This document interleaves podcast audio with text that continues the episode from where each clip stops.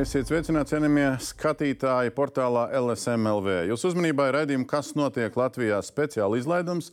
Tiešraidē viens no raidījumiem sērijā, kas jādara Evikas Siliņas valdībai. Tā ir raidījuma sērija, ko mēs pēc tam, ka valdība ir nomainījusies 2023. gada rudenī, mēs veltam visiem tiem resoriem, tām nozarēm, kur mainās politiskie spēki pie varas, pie vadības, ministru amatos. Līdz ar to rodas jautājums, loģiski, kas mainīsies politikā, kam būtu jāmainās vai kam gluži otrādi būtu jāturpinās un nebūtu jāmainās. Nu, un, attiecīgi visos sērijas raidījumos aicinām gan uh, Siliņas kundzes valdībā jauno ministru, gan iepriekšējo ministru iepriekšējā valdībā, gan dažādas lietpratējas nevalstisko organizāciju pārstāvis, lai sabiedrībai būtu plašāks skats par to, kādi ir argumenti par un pret politikai. Šis ir septītais raidījums, un uzmanības fokusā ir labklājības resurs.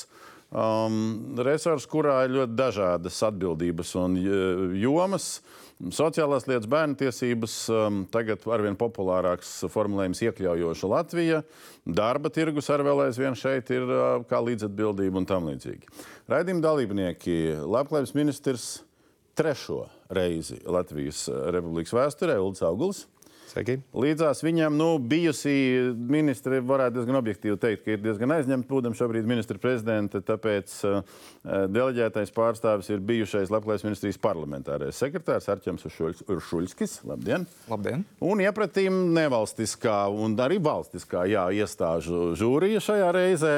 Um, vairāku bērnu tiesību organizāciju uh, jumta organizācija, tālāk varētu nosaukt Latvijas bērnu labklājības tīkla valdes locekli Ines Fecera un Tīpina. Labdien! Labdien! Līdzās viņai invalīdi un viņa drauga apvienības apēronas vadītājs Ivars Balodis. Labdien!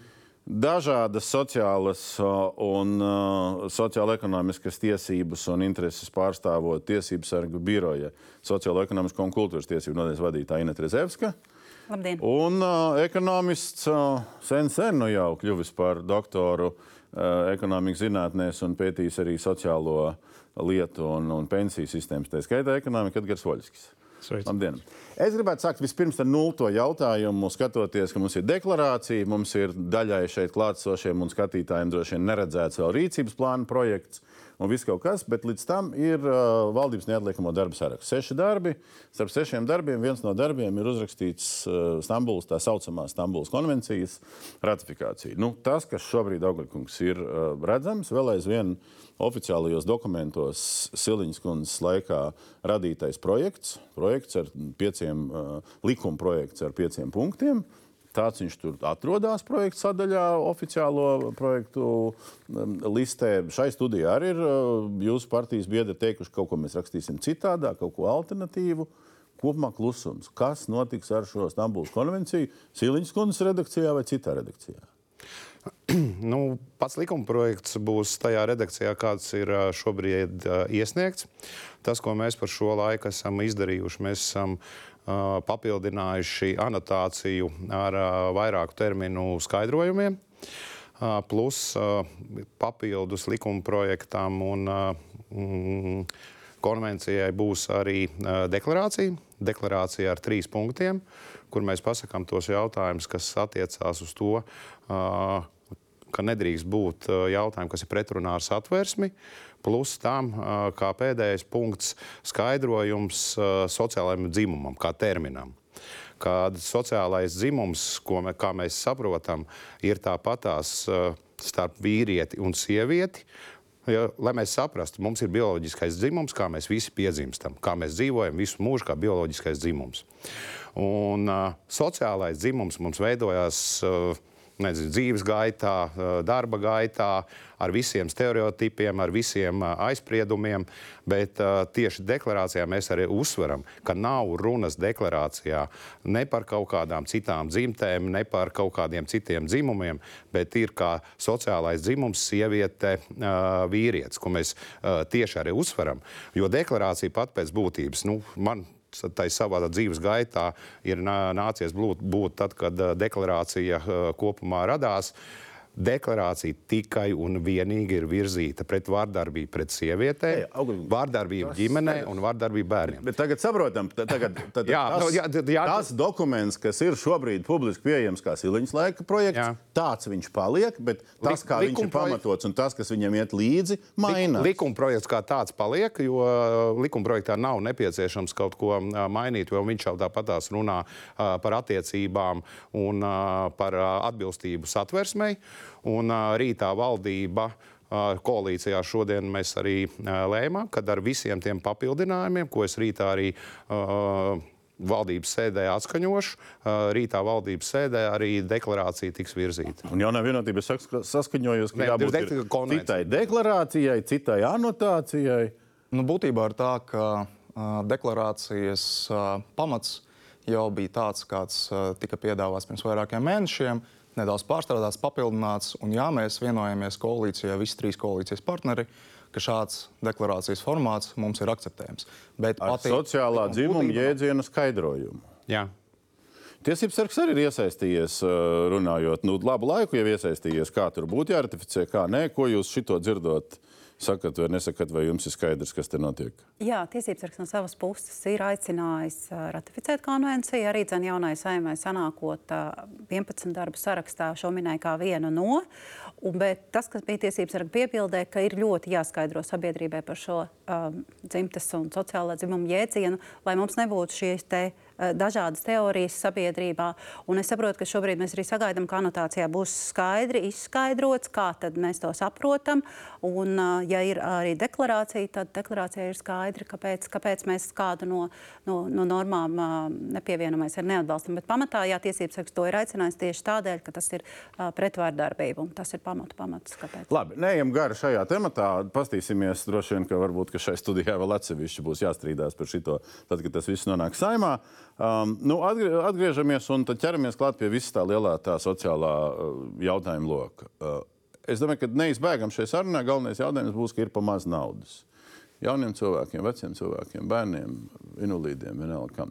Tāpēc es gribu, Vaļskungs, sākt ar jums. Nu, tā ekonomika, sociālās jomas. Ne, neformāli šobrīd ir runa par to, ka 4,7 miljardi ir sociālā budžeta, speciālā sociālā budžeta ieņēmuma plānota nākamā gada. Nu, normālam cilvēkam apiet miljardus grūti, bet nu, tomēr nu, jums tas darbs. 4,7 pār, ar pārpalikumu, ar plusiem daži simt miljoni. Un tad, protams, lausties aiziet pensijām, tad pārējais aiziet invaliditāte, maternitāte, kas tur vēl slimības, ja, un, un, un nu, tas viss tā sastruktūrējās. Tā vaina ir budžeta tērēšanā, vai vaina ir kur? Laikam es atbildēšu tā, ka, ja mēs runājam no ekonomikas viedokļa, tad nauda, protams, ir svarīga un nauda jāskaita, jo tas ir viens no kā, ekonomikas resursiem. Bet, manuprāt, tā lielākā problēma, kāpēc tās problēmas pieaug un turpinās pieaugt, viņas augs vēl lielākas, ir tas, ka Latvijā iedzīvotāju skaits strauji samazinās. Katru gadu ir mīnus 20 tūkstoši iedzīvotāji. Ukrāņi iebrauc nesamazinājās. Tas neatrisina jautājumu pēc būtības. Un šis samazinājums turpināsies. Tā problēma, kad būs iedzīvotāju samazināšanās kā resurss, un, un te mēs pārējām uz to plakni darba spēks, kas tad ģenerē šos nodokļus.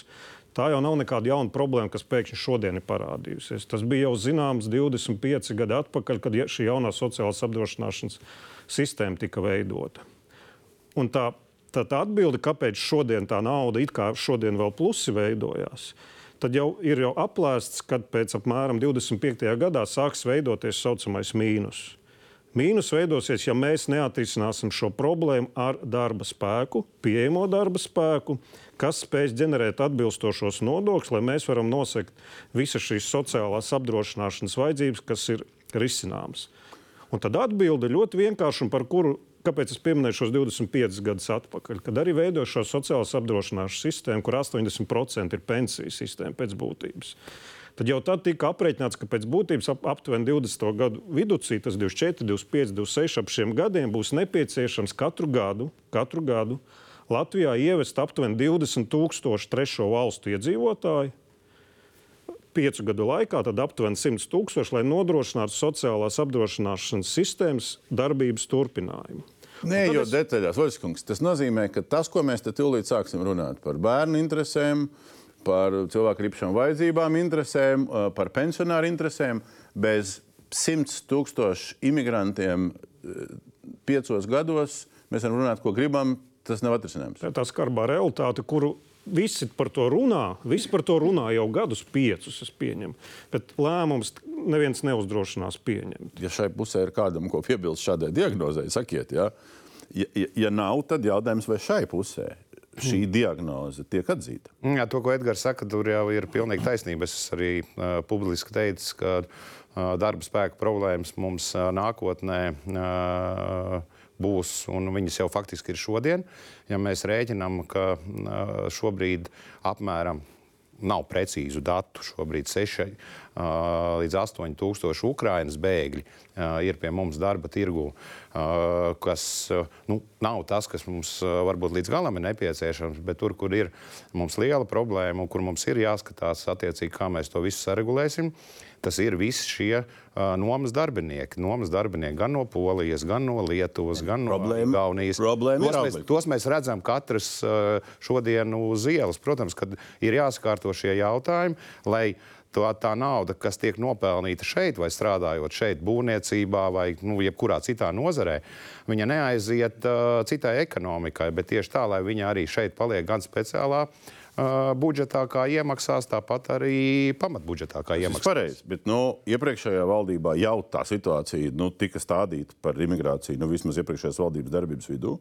Nu, neko iepriekšējā valdība ne ar ko tā nebeidz. Mēs vēl šodien pacēlām augšā, skatījāmies, kā starp labklājības ministriju, ekonomikas ministriju un arī izglītības ministriju tie cilvēku resursu jautājumi tur tika skatīti un migrācijas līkuma grozījumi skatīti. Tagad ministrijas saka, viss ir apkluss, mēs gaidām, kā jaunā valdība runājam ar ministriem, nu kaut ko domājam. Ja?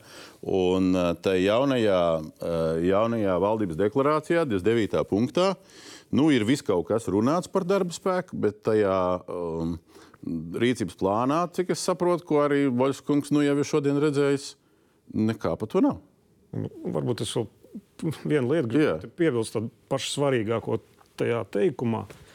Redziet, man vienā te, jautājumā, nu, vienā diskusijā pajautāja, vai mums vajag atvērt darba tirgu trešajām valstīm. Tas, man atbilde bija, ka nav nekas jāvar, viņš jau ir pats atvēries.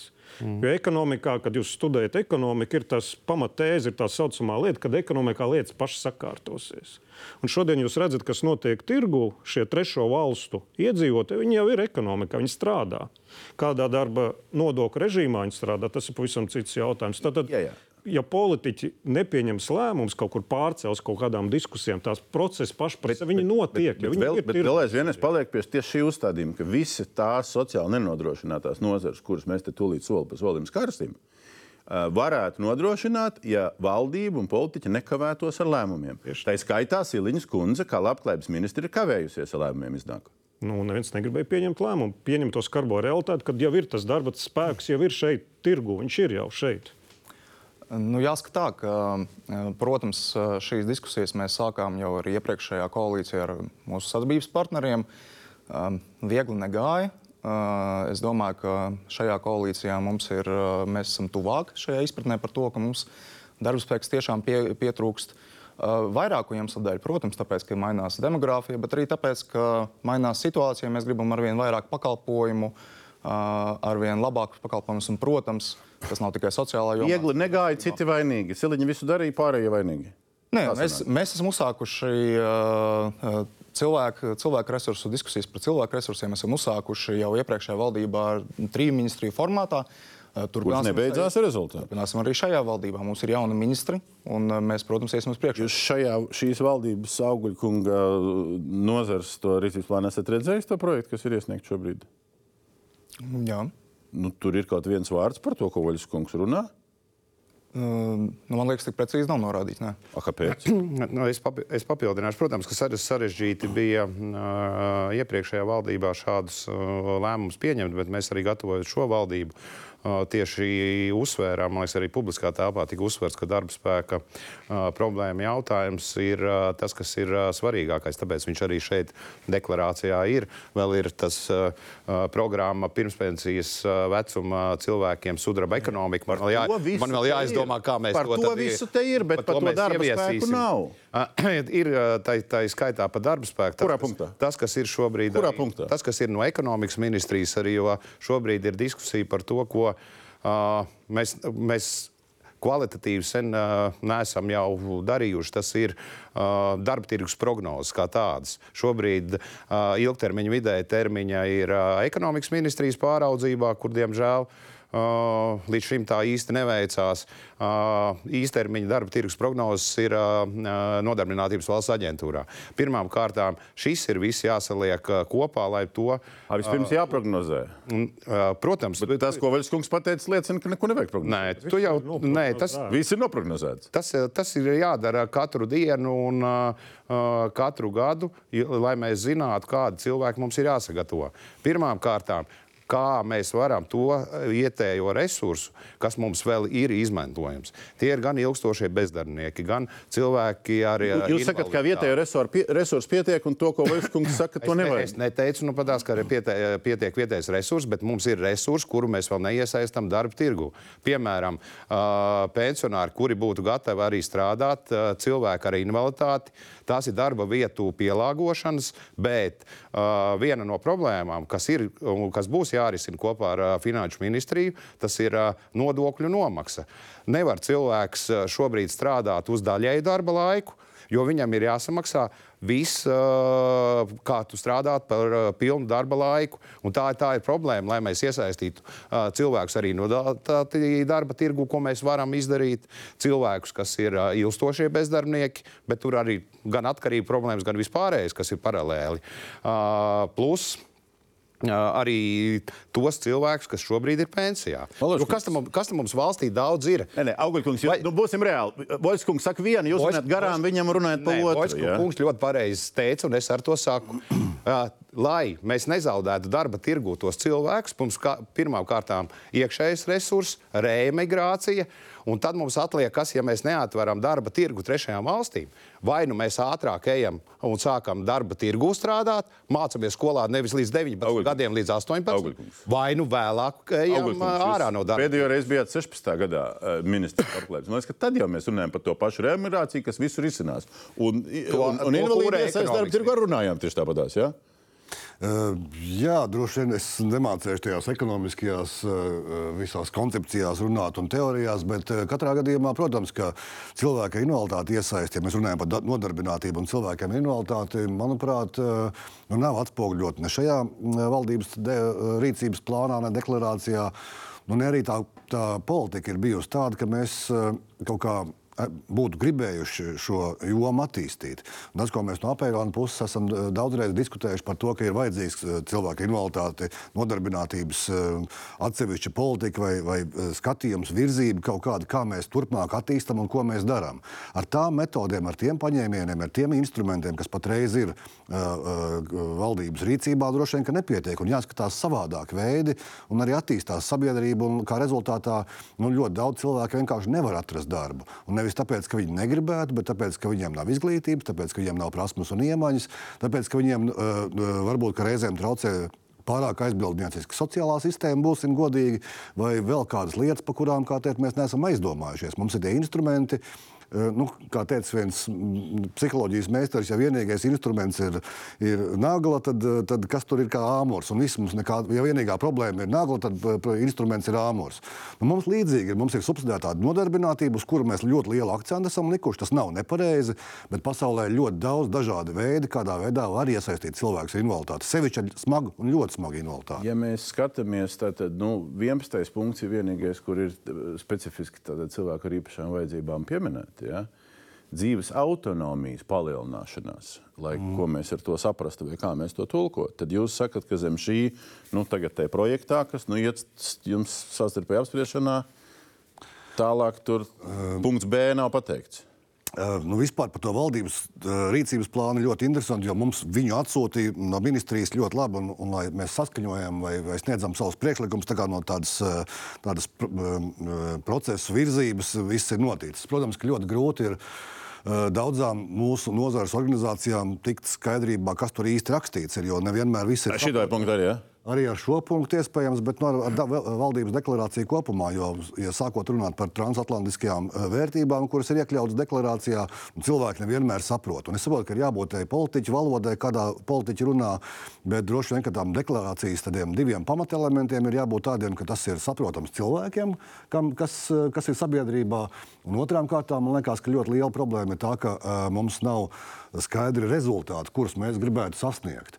Un, un no tā rezultātu viedokļa uh, stiprināsim, veicināsim, attīstīsim. Tas ir neko neizsakošs. Zem 11. punkta ir arī šis tas nodrošināts. Jā, jā, bet uh, š, šis ir, man liekas, viens no tiem uh, labajiem punktiem, ka, kur ir Eiropas Savienības finansējums paredzēts, un Eiropas Savienības finansējuma ietvaros tie rezultāti ir jāparedz jau tajos Eiropas Savienības finansējuma projektos. Tur, kur ir mūsu pašu iniciatīvas, tur tās rezultatīvie rādītāji nav redzami, nav saprotami, nav, nav zināmi un nav saprotams, kāda ir virzība. Lieliski iespēja tagad saprast to, kas nav saprotams. Nu, Augļkungs, nu. Jā, nu, piemēram, par to pašu. Nu, labi, es saprotu, ka stiprināsim ģimenes, ģimeniskas vidas un ārpus ģimenes aprūpas sistēmu. Tur ļoti, ļoti daudz kas ar bērniem ar invaliditāti saistīts ir ar, ar deinstitucionalizācijas plānu, kurš jau tagad otrajā pakāpē tiks ietverts iekšā. Tur ļoti daudz jautājumu arī sevišķi ar pašvaldībām, kas tur notiek. Bet par to nodarbinātības politiku Tā ir, ka vienkārši mums tādas īpašas, eh, saprotamas politikas, kādā veidā mēs to virzām, nav. Mums ir iniciatīvas labas. Un tas ir tas, ko mēs gribētu saprast, kādā veidā eh, šo cilvēku ar invaliditāti iesaistīs. Un, un, un, un, un kā, kā mēs to politiku veidojam? Mēģinām kaut ko skaidrot. Nesaprotam.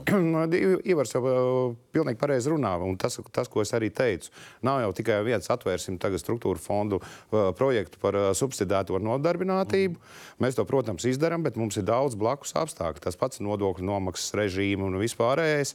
To, ko mēs arī darīsim, tas, kas ir mums jādara, tas attiecībā uz sociālo uzņēmēju darbības paplašināšanu kā tādu. Nevis tikai mm, SIA, nevalstiskās organizācijas, bet arī strādāt pie tā, kā mēs to varam paplašināt. Kopumā skatoties arī uz nākamo plānošanas periodu tas, kas ir vajadzīgs, lai tie iesāktie projekti, piemēram, kā deinstitucionalizācijas projekti, kuriem daudzās pašvaldībās šobrīd, neskatoties uz to, ka ir līguma saistības un vispārējais, ka pakalpojums ir jāturpina, nu, diemžēl ar šo resursu pieejamību ir diezgan sarežģīti. Līdz ar, līdz ar to arī tas mans uzstādījums plānojot nākamo plānošanas periodu attiecībā uz struktūra fondiem. Ja mēs ejam, tad šobrīd ejam ar projektiem, ar ko mēs varam palīdzēt palīdzēt uh, atbrīvot līdzekļus, lai turpinātu labi iesāktos esošos, plus, lai tie projekti, kas tiks uzsākti no jauna, būtu skaidri zināms, kā viņi finansēsies ilgtermiņā. Jo pretējā gadījumā mēs mētājamies ar naudu. Redzēs, kundz, nu, uzturot šito, šito līniju. Um, tas, kas līdz šim ir uzsākts iepriekšējās ministrs laikā, tas, kas te, nu, jūs pirms raidījuma tikko dabūjāt redzēt to rīcības plānu projektu, nu, jums ir saprotams, kur mēs ejam, un galvenais, vai jūs varat novērtēt, cik ātri mēs ejam. Jo tiem cilvēkiem dzīve notiek šodien un rīt, nevis pēc perioda plānošanas vai kāda cita perioda beigām. Jā, mūsu birojā skatot dokumentus, ļoti bieži mēs redzam, ka tas plānošanas dokumentos, tas, kas tur ierakstīts, nu, tā ir labi skan un iespējams, ka tas uh, varētu realizēties un būtu labi. Bet mēs skatāmies, tas pārceļās no plāna uz plānu. Tas atliekās tādēļ, ka jūs minētais finansējums ir pamazs, un mēs neieraugam, ka tas realizējās dzīvē. Un, uh, nu, Līdzīgi šeit, domājot par to, ka iesaistīsim sudraba ekonomiku, um, jā, mums ir milzīga problēma pirmspensijas vecumā cilvēkiem ar nodarbinātību. Ļoti daudz ir bezdarbnieku, un mēs, es, es, es nezinu, kā valdība mēģinās pagro, pagro, pagrozīt šo, lai būtu izmaiņas. Um, ņemot vērā, ka nu, sabiedrībā ir milzu aizspriedumu, darba devēja īpaši šos cilvēkus darbā ņemt negrib. Tā, tie ir ļoti lieli izaicinājumi. Tagad uz šo izaicinājumu fonu mēs palūdzām to svaigāko statistiku. Nu, pieaugušas personas ar invaliditāti, tas ir skaits, ja? kurš aug, kurš aug pēdējie pieci gadi, nu, pilnie gadi. Nu, bērnu vai nepilngadīgo skaits tur ir nu, mazāk kā 5% no galvas rēķinot apmēram. Vai šiem cilvēkiem, nu, tā summa, ar ko mēs te runājam, viņiem vispār dzīve, jūsuprāt, Latvijā uzlabojas, viņam kļūst viņa labklājīgāka. Abi divi. Abi divi. Jā, es varu tikai no savas pieredzes, un, un tas, ko mēs redzam, neval, kā, kā nevalstiskā organizācija apērons, tad dzīve nu, tā patiesība sakot labāk nepaliek. Jo, Jo ir vairāki faktori. Viens tas, ka ir milzīgs nabadzības slasts, kurā, kurā cilvēki ir nonākuši, jo nu, skaidrs, ka tās pensijas nav milzīgi lielas, un kaut arī mēs indeksējam un vēl eh, kaut ko pieliekam klāt, ik pa laikam, nu, atkal no politiskās gribas atkarīgs. Ir. Es nezinu, vai no citiem apstākļiem, bet ne visi to ņem vērā. Nav tāda cilvēkiem paļaušanās uz sociālo sistēmu, ka tev būs labāk ja, ja, ja teiksim, arī bērnu ar invaliditāti ģimenēm būtu tā pārliecība, ļoti daudz ir teikuši to, nu, ka teiksim, nu, labi, mēs varam paciest 5, 7, 10 gadus, bet ja man būs pārliecība, ka par manu bērnu kāds rūpēsies, man jau būtu daudz vieglāk. Un, un, un, un tā Tā, tā ir tā nabadzības lasa, tas ir tas, tas paļaušanās uz sociālo sistēmu, kurā mēs esam nonākuši. Un otrs, tas, ka nav jau konsekvences vienkārši, ka mēs rīkojamies tā, kā mēs kādreiz kaut ko solam vai kaut ko darām. Ines, pildīsiet klāt, iesaistīties tajā sarunā. Līdzīgs skats ir tādā ilgtermiņā. Nu, jā, es domāju, ja mēs atgriežamies pie tā jautājuma par darba spēku, tad noteikti viens no aspektiem ir tas, ka valsts atbalsts ģimenēm, kurās aug bērns ar invaliditāti, ir tik mazs, ka viņi nevar atļauties bieži vien iet un strādāt ārpus. Viņiem nav kur to bērnu īsti atstāt, un, un viņi kļūst par tiem asistentiem, kas pieskata paši to bērnu. Jo nu, par, par, tiem, par to naudu vienkārši nav iespējams dabūt citus speciālistus, kas to varētu darīt. Un es arī vēlējos ienest, varbūt vēl, nu, man vienkārši neradās iespēja ātrāk izteikties, ienest arī tādu aspektu, ka mēs tā runājam varbūt par tādām polarizācijām, vajag mums tos imigrantus vai nevajag. Bet man ļoti gribētos, un šķiet, ka aktuāli būtu arī diskusija par ražīguma celšanu, jo šobrīd kaut vai tajā pašā bērnu nozarē mēs redzam, ka viss ir tik ārkārtīgi fragmentēts.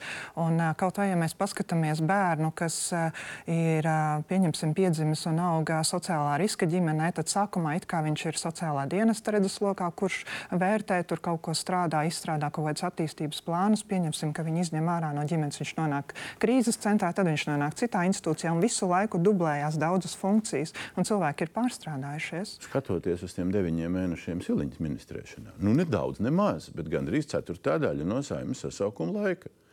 Nu, divi varianti, vai nu jūs pieņemat šo vai nē. Ja jūs pieņemat šo situāciju, tad jautājums ir, ko tad būtiski pamainījām? Nu, Ivars ļoti precīzi arī minēja to nabadzības lastu. Un, to mēs arī saskatījām uzreiz, nākot strādāt Labklājības ministrijā. Manuprāt, spērām vairākus svarīgus soļus, lai mazliet uzlabotu to situāciju. Nu, pirmais no tiem ir, protams, minimālā ienākuma līmeņa reforma. Visus minimālos ienākumus palielinājām diezgan būtiski, bet kas nemazāk būtiski ir arī piesaistījām tos uh, algu mediānai, kas ir īstenībā ļoti svarīgi. Pirmo reizi ir tā, ka tiks pārskatīts katru gadu, tie līmeņi tiks pārskatīti katru gadu. Tāpat arī vēl viena tāda diezgan praktiska lieta. Pirmo reizi kopš 2007. gada ir palielināts arī palielināta kompensācija par transportu cilvēkam ar invaliditāti. Un uh, vēl arī trešā lieta, kas arī tiešām mērā uz dzīves autonomiju, uh, tiek attiecināta, ir asistenti un pavadoņi. Mēs esam atraduši iespēju palielināt atalgojumu par 13% vēl silņas ministrēšanas laikā, un saprotu, ka arī tagad Augļa kungs domā par vēl nākamo soli uz to, jo tieši tā. Asistentam pavadonim ir jānodrošina atalgojuma pieaugums, citādi tie cilvēki tirgu nav pieejami. Šīs bija būtiskas lietas ja mēs tikko konstatējām, ka nebija būtiski uzlabojumi. Transporta kompensācija mēs varam tādos uh, absolūtos skaitļos, nevis procentuāli paskatīties, un tas tāds uh, absolūti tāds. Nu, interesants um, pieaugums, kas neko neatrisina cilvēku dzīves situācijā. Un te ir tā lieta, ka vienkārši man, uh, man liekas, ka, ja nav tāda skaidra politika, uz ko mēs gribam attīstīt, ko mēs gribam virzīt un kāds mums tas labklājības mērķis ir, kas ir labklājība, droši vien, ka uz tādu jautājumu atbildēt. Mm -hmm. Un, uh, no apēnona leģendām es varu pateikt, ka kādreiz braucot 2000. gadu sākumā uz, uz, uz Zviedriju, mēs prasījām, kas ir labklājība. Viņi atbildēja ļoti vienkārši. Laimīgs, priecīgs, apmierināts cilvēks. Un 2000. gados mēs braucām atpakaļ uz Latviju un, un prasījām līdzīgu jautājumu. Tas bija finanšu instrumentu kopums, kas veicina so, eh, eh, sociālās funkcionēšanas paaugstināšanu ah, kopējā kohēzijas fondā. Un man liekas, ka mēs esam drusku ieslīguši kaut kādās lielās birokrātijās un, un, un, un eh, kaut kādos sarežģītos vienādojumos, kur tas cilvēks ik pa laikam pazūd. Un mēs neizmēram to, nu, kas tam cilvēkam īsti vajadzīgs. Un vai tie atbalsta veidi, viņi ir labi. Es jau nesaku, ka tas ir slikti, ka paaugstina transporta izdevumu kompensāciju inflācija, kas ir droši vien kaut kāda 20 eiro, man liekas, vai 25, no 30 eiro bija vairāk nekā, 30. nekā, nekā bet tas pieaugums un tas problēmas risinājums, kam vispār domāt, tas pakalpu, tas atbalsta veids, viņš jau neko neatrisina. Un, un bieži vien tam tai ģimenei jau neatrisina tas, ka ir e, elektrības atvieglojums kaut kāds vai vēl kaut kas, vēl, vēl kaut kas. Ja neatrisina pamatlietas, kas tai ģimenei sāp un kas viņai problemātisks rodās. Un, ja mēs to nerisinām sākotnēji, ja mēs neizvērtējam un nesaprotam, tad tie visi pārējie atbalsta veidi, kas ir pēc, pēc būtības ir milzīgs, liels uh, finanšu resurss no valsts puses, viņš neko tajā ģimenei neatrisina. Un mēs, uh, man liekas, ka valdības deklarācijā ir pieminēts, ka caurskatīs to atbalsta veidu, uh, veidu sistēmu Latvijā, bet uh, tas ir ļoti grūts un sarežģīts uzdevums vienkārši un saprast un individuāli, individuāli izvērtēt. Caurskatīt var dažādi, vai ne? Jā, jā, Rezultāts var būt Un dažāds. tos bērnu ar invaliditāti ģimeņu skaits patiesībā sakot, nav liels. Nu, es domāju, ka ministrijas darbinieki, tie, kas ilgāku laiku strādā, to tās ģimenes no galvas zina. Nu, zina, kas kurai ģimenei sāp un kas ir vajadzīgs. Un, un mēs tās ģimenes esam nolikuši stāvoklī, ka tev ir pa visu jācīnās. Tev ir jācīnās par to, lai nokļūtu pie ārsta. Un cik man zvan, jācīnās, plus jāgaida rindā, rindā. plus jākārto papīri, kurus tev- varētu un nekārtot. Tajā, tajā visā cīņas laukā tev nav laika ne darbam, nekam. Tev tie jācīnās par tevi, jāraksta atskaites par kaut ko. Tev jāstāv rindā pie ģimenes ārsta, tev jāstāv rindā pie speciālistiem. Tev jāmēģina viss darīt, lai tam bērnam uzlabotu kaut ko, lai attīstītu viņu dzīves kvalitāti kā tādu. Un tu, tu pazaudē vienkārši visu, kas tev ir. Un tie visi atbalsta veidi, kas ir, viņi neatrisina nevienu no daudzām situācijām, kas tām ģimenēm ir. Nu, tā ir tā milzīgā problēma, kāpēc eh, nu, tam ir jāpievērš uzmanība, jo tie ir tie nākošie arī darbinieki pēc savas būtības, nu, ko mēs audzinām. Un tās ģimenes ir tie cilvēki, kas pie, pie jēgpilnas atbalsta sistēmas varētu strādāt, ko viņi patreiz bieži vien nedara. Un Tas, tas, ka jums pat negrib neviens strīdēties. Jā, un tas, tā, tā ir tā lieta, kur mums, eh, mums ne, ne, ne tikai pie iepriekšējās un esošās valdības, mums pie visām iepriekšējām ir ļoti trūcis tādas sociālās politikas skatījuma ar pietiekošu finansējumu un akcentiem, tur, kur tas ir vajadzīgs, un individuālais izvērtējums. Pieliek, pielieciet klāt vēl savas diagnozes. Jā, nu, ņemot vērā gan, gan ilg, ilgstošo pieredzi sociālajā jomā, nu, man ir novērojami, ka tur kaut kas izmainās ārkārtīgi lēnām. Tāpat minimālā ienākuma koncepcija no 13. līdz 20. gadam viņa auga, auga līdz kaut kam izveidojās, un iespējams, ka vispār nebūtu pieņemti, ja tie tiesības sargs nebūtu gājis uz satversmes tiesu. Tās pārmaiņas notiek, nu, nu, varētu teikt, nežēlīgi lēni. Ņemot vērā, ka tā ir ministrija, kur centrā vajadzētu būt cilvēkam, jo viņš tur objektīvi ir centrā sociālā jomā, nu, ļoti lēni, lai cilvēki tiešām sajustu, ka viens vai otrs ministrs ir wow, lielus darbus izdarījis. būtisks Paklau, jūs neiet drusku ap- apkārt tam zilonim. Jūs piesaucat pirmais, min, pirmo lietu minimālu ienākumu. Jūs sakat, ka minimāla ienākuma lēna, bet vai neaizmirsīsim, ka satversmes tiesa tikko ir pateikusi vēl vienreiz, ka tas ir garām. Ja? Nu, vienkārši nu, būsim reāli. Nu, Tiesa gan teica, ka daudz laba ir izdarīts, Jā, jā, jā. bet uh, līdz galam Bet. labi nav izdarīts. Un tāpēc viss tas, kas ir izdarīts, pēc gada vairs nedrīkst būt spēkā. Nu, no 25. Nu, jāsalabo. Nu, jā. jāsalabo Nu, tad tiesa. līdz ar to nu, nevar teikt, ka tas bija labi izdarīts. Es atversmes tiesa atnāca un pateica, ka nav labi izdarīts. Nu, Nē, tas nu tā nav labi. Mēs teicām jau tā, ka jūs viņu taisījāt. Ka nebūs labi, ka tur nepietiks. Nē, būsim, būsim precīzi. Arī precīzi norādījāt to, ka satversmes tiesa arī daudz ko labu pateica, un uh, pats princips ir labs. Bet uh, jāsaprot arī to, ka šāda izmaiņa ir uh, tiešām maksā ļoti lielu naudu. Un, uh, ir, manuprāt, ir ļoti labi, ka mēs vismaz to pirmo soli spērām un to problēmu, kas bija vairāk kā desmit gadus, un vismaz tas pirmais solis atrisināt. Jūs, jūs tiešām to, ar to labi, domu? ka mēs spērām soli, ko satversmes tiesa neatzīst par atbilstošu satversmē. Nopietni. Nē, nu, satversmes tiesa saka, ka princips ir pareizs. Satversmes tiesa norāda uz to, ka apjoms ir jābūt liel- lielākam. Mēs uh, sākām, izvērtēsim un pamēģināsim arī pielikt klāt. Nu, sistēmā jau tur tā kā uz pareizām sliedēm nolika, tikai jaudas pietrūka, ja tā var teikt. Nu, jā. Šajā visā diskusijā mēs aizgājām prom no tādas lietas, ka te jau var pieminēt tādu lietu kā labklājība. Un, un es at- atgriežos no pamatu pamatiem.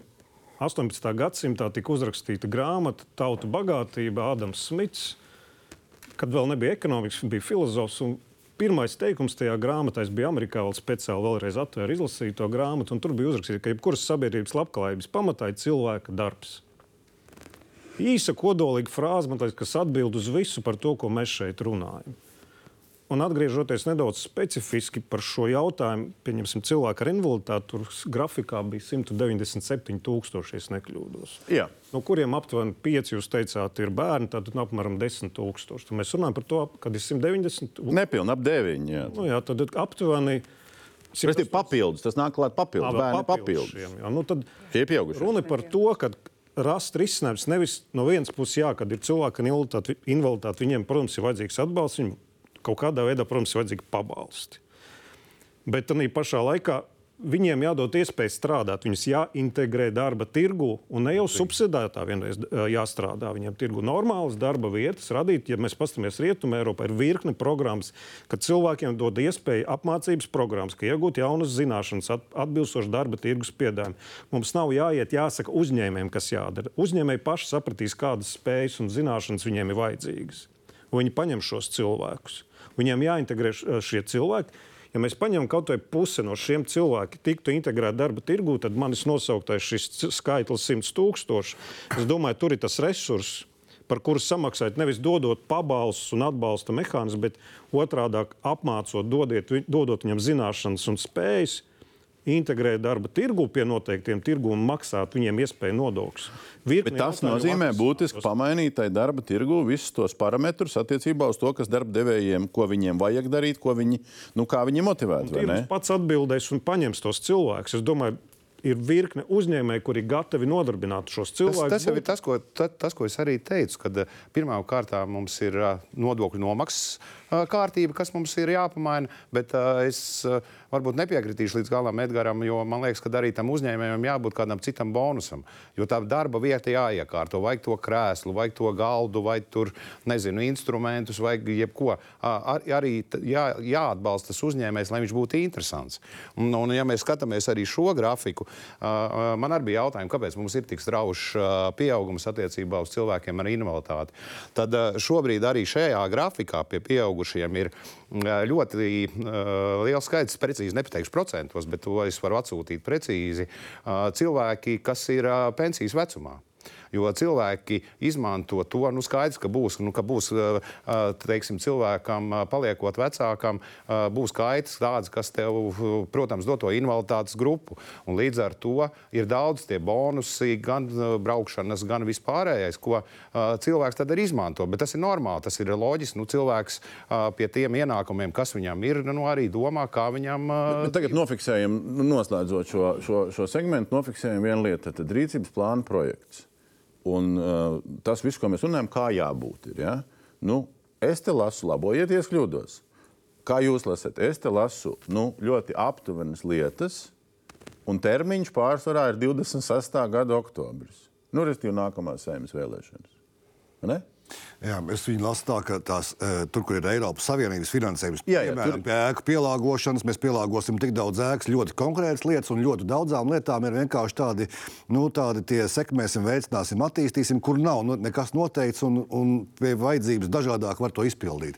Bet man liekas, ka vēl viena lieta ir tā, ka ka, lai panāktu tās, tās izmaiņas, lai cilvēkus par invaliditāti ņemtu darbā, no nu, vairākiem priekšnosacījumiem jābūt. Pirmkārt, protams, ka ir jābūt valsts politikai, un droši vien, ka ir jābūt arī tai sabiedrības izglītībai. Mm. Mēs nevaram pateikt, ka lūdzu ņemiet cilvēkus ar intelektuālās attīstības traucējumiem darbā, jo mēs par viņiem neko nezinām vispār valstī. Mums viņi it kā, it kā ir deinstitucionalizācijas projektā, bet patiesībā sakot, mēs viņus nepazīstam. Un kas viņi tādu, ko viņi var darīt, kā viņi, kā viņi izturās, kā, viņi, kā ar viņiem komunicēt.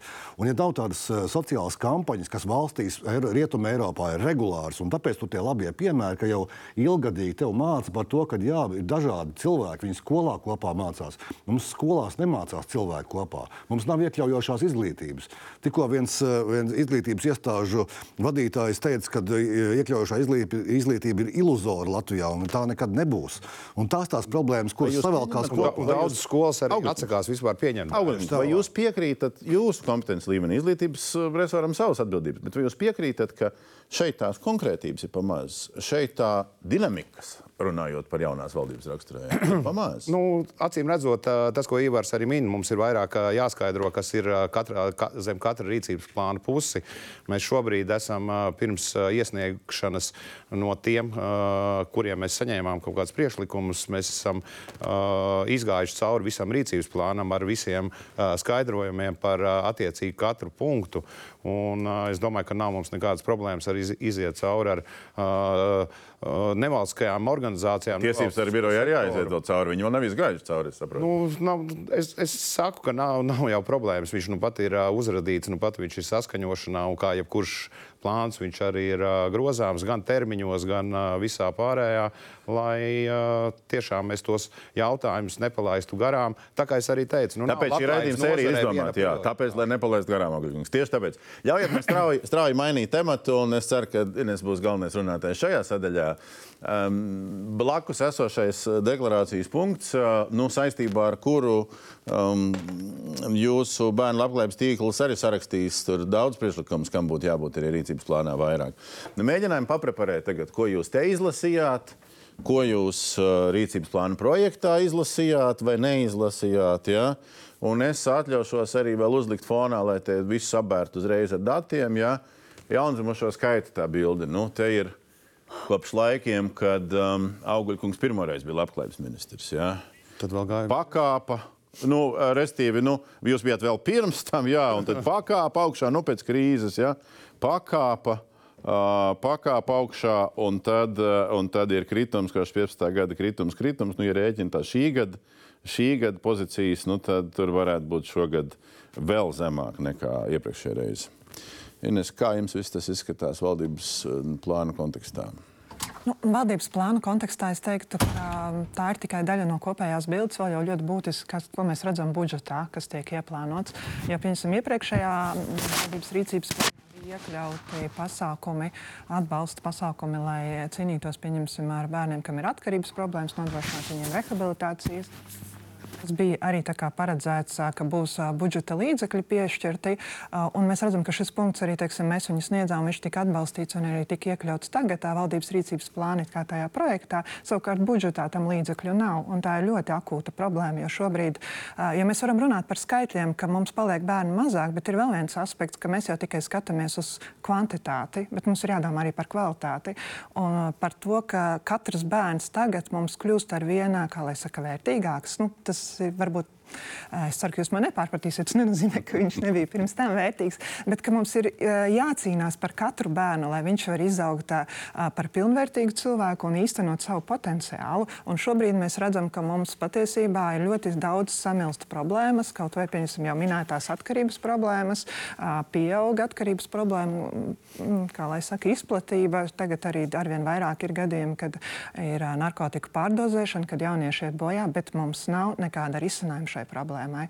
Mēs esam aiztaisījuši cietnē augšēnus. Mums šobrīd ir tikai ģintermoža priekš bērniem, kas ir motivēti. Un tur ir piecas vietas, ko darīt ar visiem tiem jauniešiem, kas lieto, kurus nav vienkārši kur likt. Un ja mēs viņus neizolēsim, mēs viņus zaudēsim. Un viņu kļūs ar vien vairāk, jo tāds jaunietis, kas nav izolēts, viņš taču arī ietekmē tos, kas viņam apkārt. Viņš pavelk līdzi vēl kādus, viņš izdara noziegumus, viņš nu, rada bīstamu situāciju. Nu, un, un tas, ko jūs ieraugat vai neieraugat rīcības plānā, to visu apiet. Es neteiktu, kāpēc. Vienkārši saku, ka rīcības plāns ir tikai daļa no bildes. Es tur varu redzēt šo rīcības plānā, bet kamēr es to neredzu budžetā, tad nu, tas ir tikai kaut kāds mērķis nākotnē, kas varbūt būs un varbūt nebūs. Nu, budžeta prioritātes mums tikko ir salikts uz nākamo gadu. Kas būs, tas būs, kas nebūs, tas nebūs. Nu, pie tā, ja, ja mēs faktiski budžetu būvējām uz nulles, tad tomēr uh, panākot gan uh, šo banku aplikšanu ar uh, uzņēmumu ienākumu nodokli, gan arī veicot citus pasākumus, mēs tomēr esam daļu jautājumus atrisinājuši, bet kopumā no 108, uh, 108 miljoniem, kas bija prioritātais labklājības ministrijai, realitātē mēs jaunajās iniciatīvās esam dabūjuši klāt 37,2.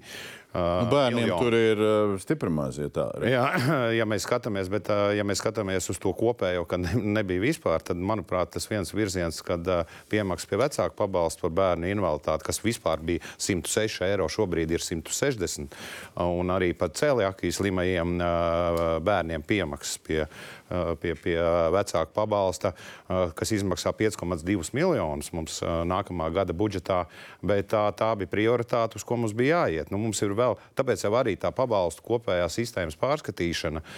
Iespējams, ka speciālā budžeta izmaksātie pabalstu daļa pārcelšana uz pamatbudžeta, bet tā visa būs diskusija nākamā gada laikā, jo realitātē teiks, pārkārtot budžetā divu nedēļu laikā, kad bija tā iespēja attiecībā uz jaunajām iniciatīvām tiešām nu, bija diezgan šaura. Līdz ar to nu, tas lielākais uzsvars ir nākošā gada gatavošanās priekš jau 25. Atliekam uz gadu, tā izklausās. Neatliekam uz gadu, bet mēs salikām tās prioritātes, ko mēs, ko mēs varam. Bet, protams, ja mums ir uzlikts kā pirmā prioritāte aizsardzība, kas loģiski iekšējā drošība, veselība, izglītība, tad arī izējot šeit, teiksim, par demografisko situāciju, pieejama izglītība, tas viss būtu labi un vispārējais. Bet, ja mēs skatāmies uh, plašāk, uh, tiem vecākiem, arī kam uh, bērni mācās uh, parastās uh, skolās, es pats ar to saskaros.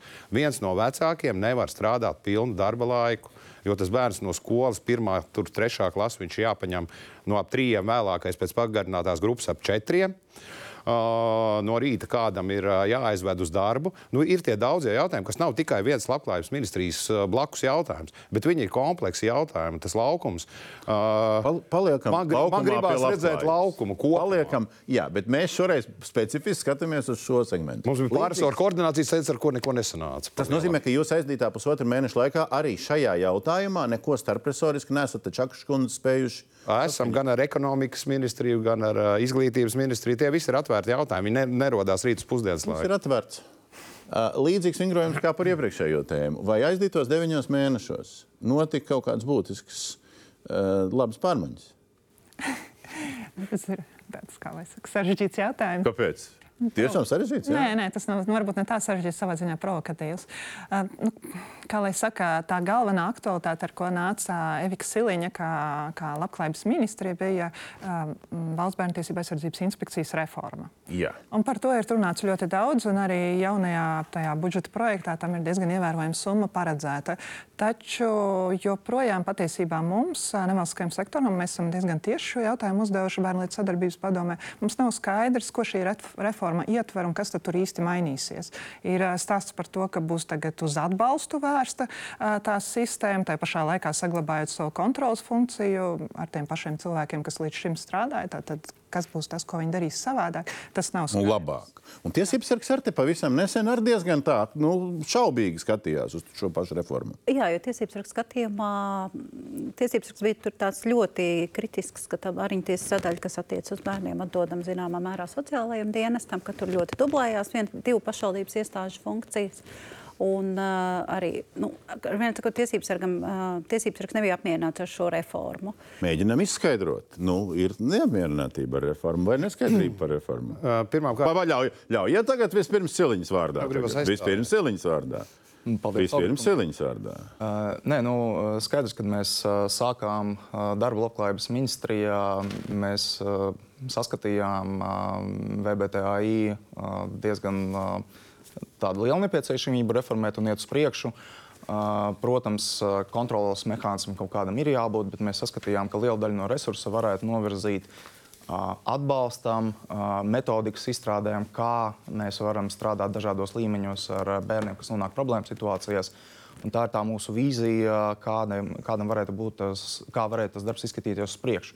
Un tiešām uh, esam gandarīti redzēt, ka arī Auguļa kungs uh, turpina šo iesākto virzienu un arī paredz savā budžetā tam līdzekļus. Kaut ko sapratāt vairāk no šī? Nu, tieši to mēs arī dzirdam visus šos mēnešus. Un nesaprotat neko vairāk.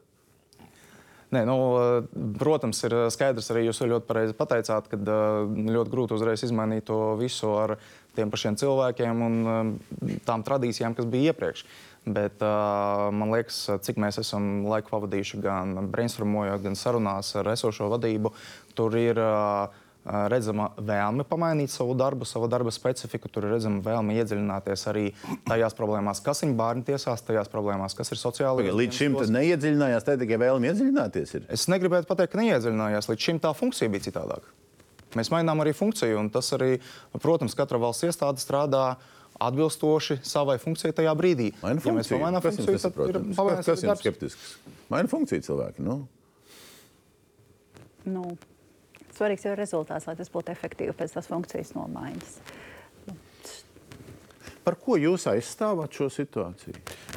Pirmkārt, manuprāt, virziens ir pareizs, ka mēs vairāk ejam uz to konsultatīvo daļu gan bērniem, gan pusauģiem, tā skaitā vecākiem lai mēs šos jautājumus, kas attiecās uz bērnu, gan bērnu drošībām, gan vardarbībām, gan vispārējo, mēģinātu jau to, ko Jānis arī teica, kāpēc, te, vai Ivars teica, kāpēc jūs tur neinformējat par to nodarbinātību. Nu, līdzīgi ir šeit. Šeit vairāk iet uz to konsultatīvo pusi. Tā izskaitā bāriņtiesu. Mm, līmeņa celšanas, sociāla dienas līmeņa celšanas.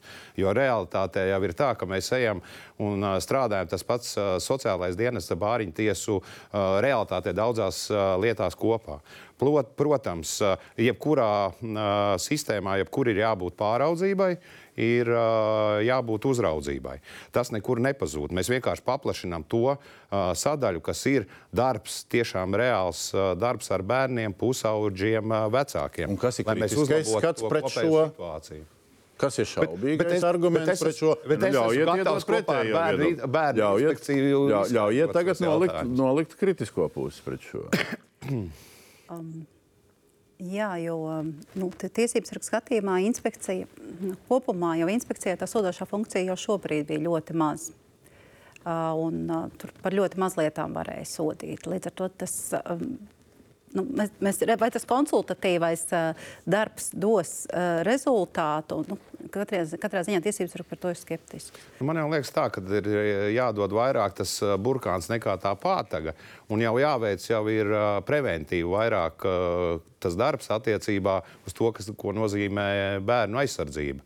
Nu, mums ir uh, sadarbības gan ar bērnu slimnīcas fondu, gan ar bērnu fondu, gan ar samariešiem, gan ar vispārējo. Es domāju, ka uh, kopumā, nu, teiksim, arī līdzīgi tais visos bērnu jautājumos, mēs ar to, ka mēs neejam tikai ar uh, pātagu, bet mēs izglītojam, mācām, apmācām, kā ir pareizi darīt, uh, mēs iegūsim vairāk. Aleš, kungs, pātaga, burkāni, uh, kā jūs iedodat savu? Es vienkārši drusku apmulsēju, un tā, tāpat kā sabiedrība. Mēs visu laiku laiku kaut ko mēģinām reformēt. Mums notiek reforma, reformas pēc, un nāk jauns ministrs un grib kaut ko reformēt un labāk uztaisīt. Un skaidrs, ka Silīnas kundzei bija tas uzstādījums par, par šo, ka bērnu jautājums ir prioritārs un atkal kaut kas jāreformē. Nu, katrā gadījumā sabiedrībā, sabiedrība jau to nesaprot, kas tur īsti labāk būs vai kā vajadzētu un nepārtraukti. Nu, kā kurā gadījumā? Dažreiz tādas reformas, kas uzreiz minūtes laikā skaidrs. Jā, jā, droši vien, bet, bet cilvēki patiesībā sakot no tā ir ļoti noguruši, ka tev nepārtrauktā saspringumā jādzīvot tā, ka kaut kas mainās, kaut kas būs savādāks. Man droši vien, ka būs sliktāk, jo neviena reforma nekad ne pie kāda laba uh, rezultāta nav novedusi. Nu, piemēram, Vai skunks krati galvu nepiekrīt kaut kam? Nu, nu, pa pārsvarā gadījumā. Mēs, kas saka mēs, ka klausi, kas tie tādi tādi mēs. Ir bērni, un tad mēs nu, šeit klātesoši. Jā, jā, bet eh, paturpinot, piemēram, tādiem eh, konkrētiem gadījumiem, atkal, piemēram, kā būtu jāsaka citādāk? Nē, nu, man patīk, ko Auguļkungs pieminēja. Ir tāds ir, kā, ir saucamais sociālais dienests. Un pēc būtības, cik es kā, no, palasot, apzinoties uz situāciju, ir sociālai darbinieki, kuru pienākums un uzdevums ar attiecīgo atkal izglītību, zināšanām, spējām šos bērnus attiecīgi vest caur sistēmu. Un nevis saka mēs, bet tad ir atbildīgais dienas, cilvēks, sociālais darbinieks, kurš strādā ar attiecīgi jauniešiem, bērniem un izved caur šo sistēmu un parāda, kur viņam konkrētā brīdī doties. Nevis kā, lai kādu sodītu, kā tika teikts, bet lai viņu vestu uz priekšu, integrētu, celtu dot iespēju viņam atgriezties, integrēties sabiedrībā, nonākt darba tirgu kā nu, labs, spējīgs, izglītots nākotnes darbinieks. Un, man liekas, sociālais dienas ir viens no tiem, kas to varētu darīt. Un tad nebūs mēs. Tad ir konkrēti dienas, kurš zina, kā tas, tas šī sistēma darbojas. Jā, bet valsts bērnu tiesību aizsardzības inspekcija nav tas dienests. Piemēram, iekļaujošā izglītībā. Mums... Vai dienas to atrisinās? Nu, viņam droši vien nav tādas pienākums un funkcijas. Un, un tad ar to mēs visi arī apstājamies. Nu, Tur arī viss tas apstājas. Vai, piemēram, iekļaujošā izglītība, kas bija pagājušajā, pagājušajās valdības sasaukumā viens no pamatjautājumiem, kam ķersimies klāt, un, un tas viss ir pēkšņi pazudis kaut kur. Un iekļaujošās izglītības darba grupas, nezinu, vai tu piedalījies vai nē, bet viņi ar tādu jaudu iesākās. Mums bija 60 40 cilvēki, kuri iekļaujušā izglītībā runāja par to, kā nu mums Latvijā būtu. Nu, jā, un valdība, nu, vai ne? Nu, ir cita akcenta. Jā, un pēkšņi tas viss ir apstājies, un tie cilvēki ir nomainījušies, vai tie uzstādījumi ir mainījušies, un, un kaut kas tur atkal pazudis ir, un, un atkal tā paļaušanās nav. Labi, eh, pa- paliekam pie konkrētības. Es gribētu uzstādīt jautājumu par divām reformām, kas, nu, ja mēs tagad runājam par bērnu tiesību aizsardzības uh, centra un inspekcijas vēl virzieniem uz priekšu, viņš patinam to filmu apakaļ. Ir pāris lietas, nu, kam ir jau nu, vairāk gadi. Viena uh, milzīga, piedošana, tā nav īstā, šitā bilde ir īstā. Milzīgi sarežģīta bilde, nevajag mēģināt pat izsekot, nav saprotams. Bet uh, atslēgas vārds ir deinstitucionalizācija kas ir atkal no tiem laikiem, savulaik jau, kad Augļkungs bija iepriekšējo reizi ministrs. Tad mēs ejam vienā virzienā, bērnu virzienā, un cilvēki ar, ar, ar, ar, ar, ar garīgiem traucējumiem, un otrā virzienā, un ejam, un ejam, un vajadzēja jau beigties tagad, un nebeidzās.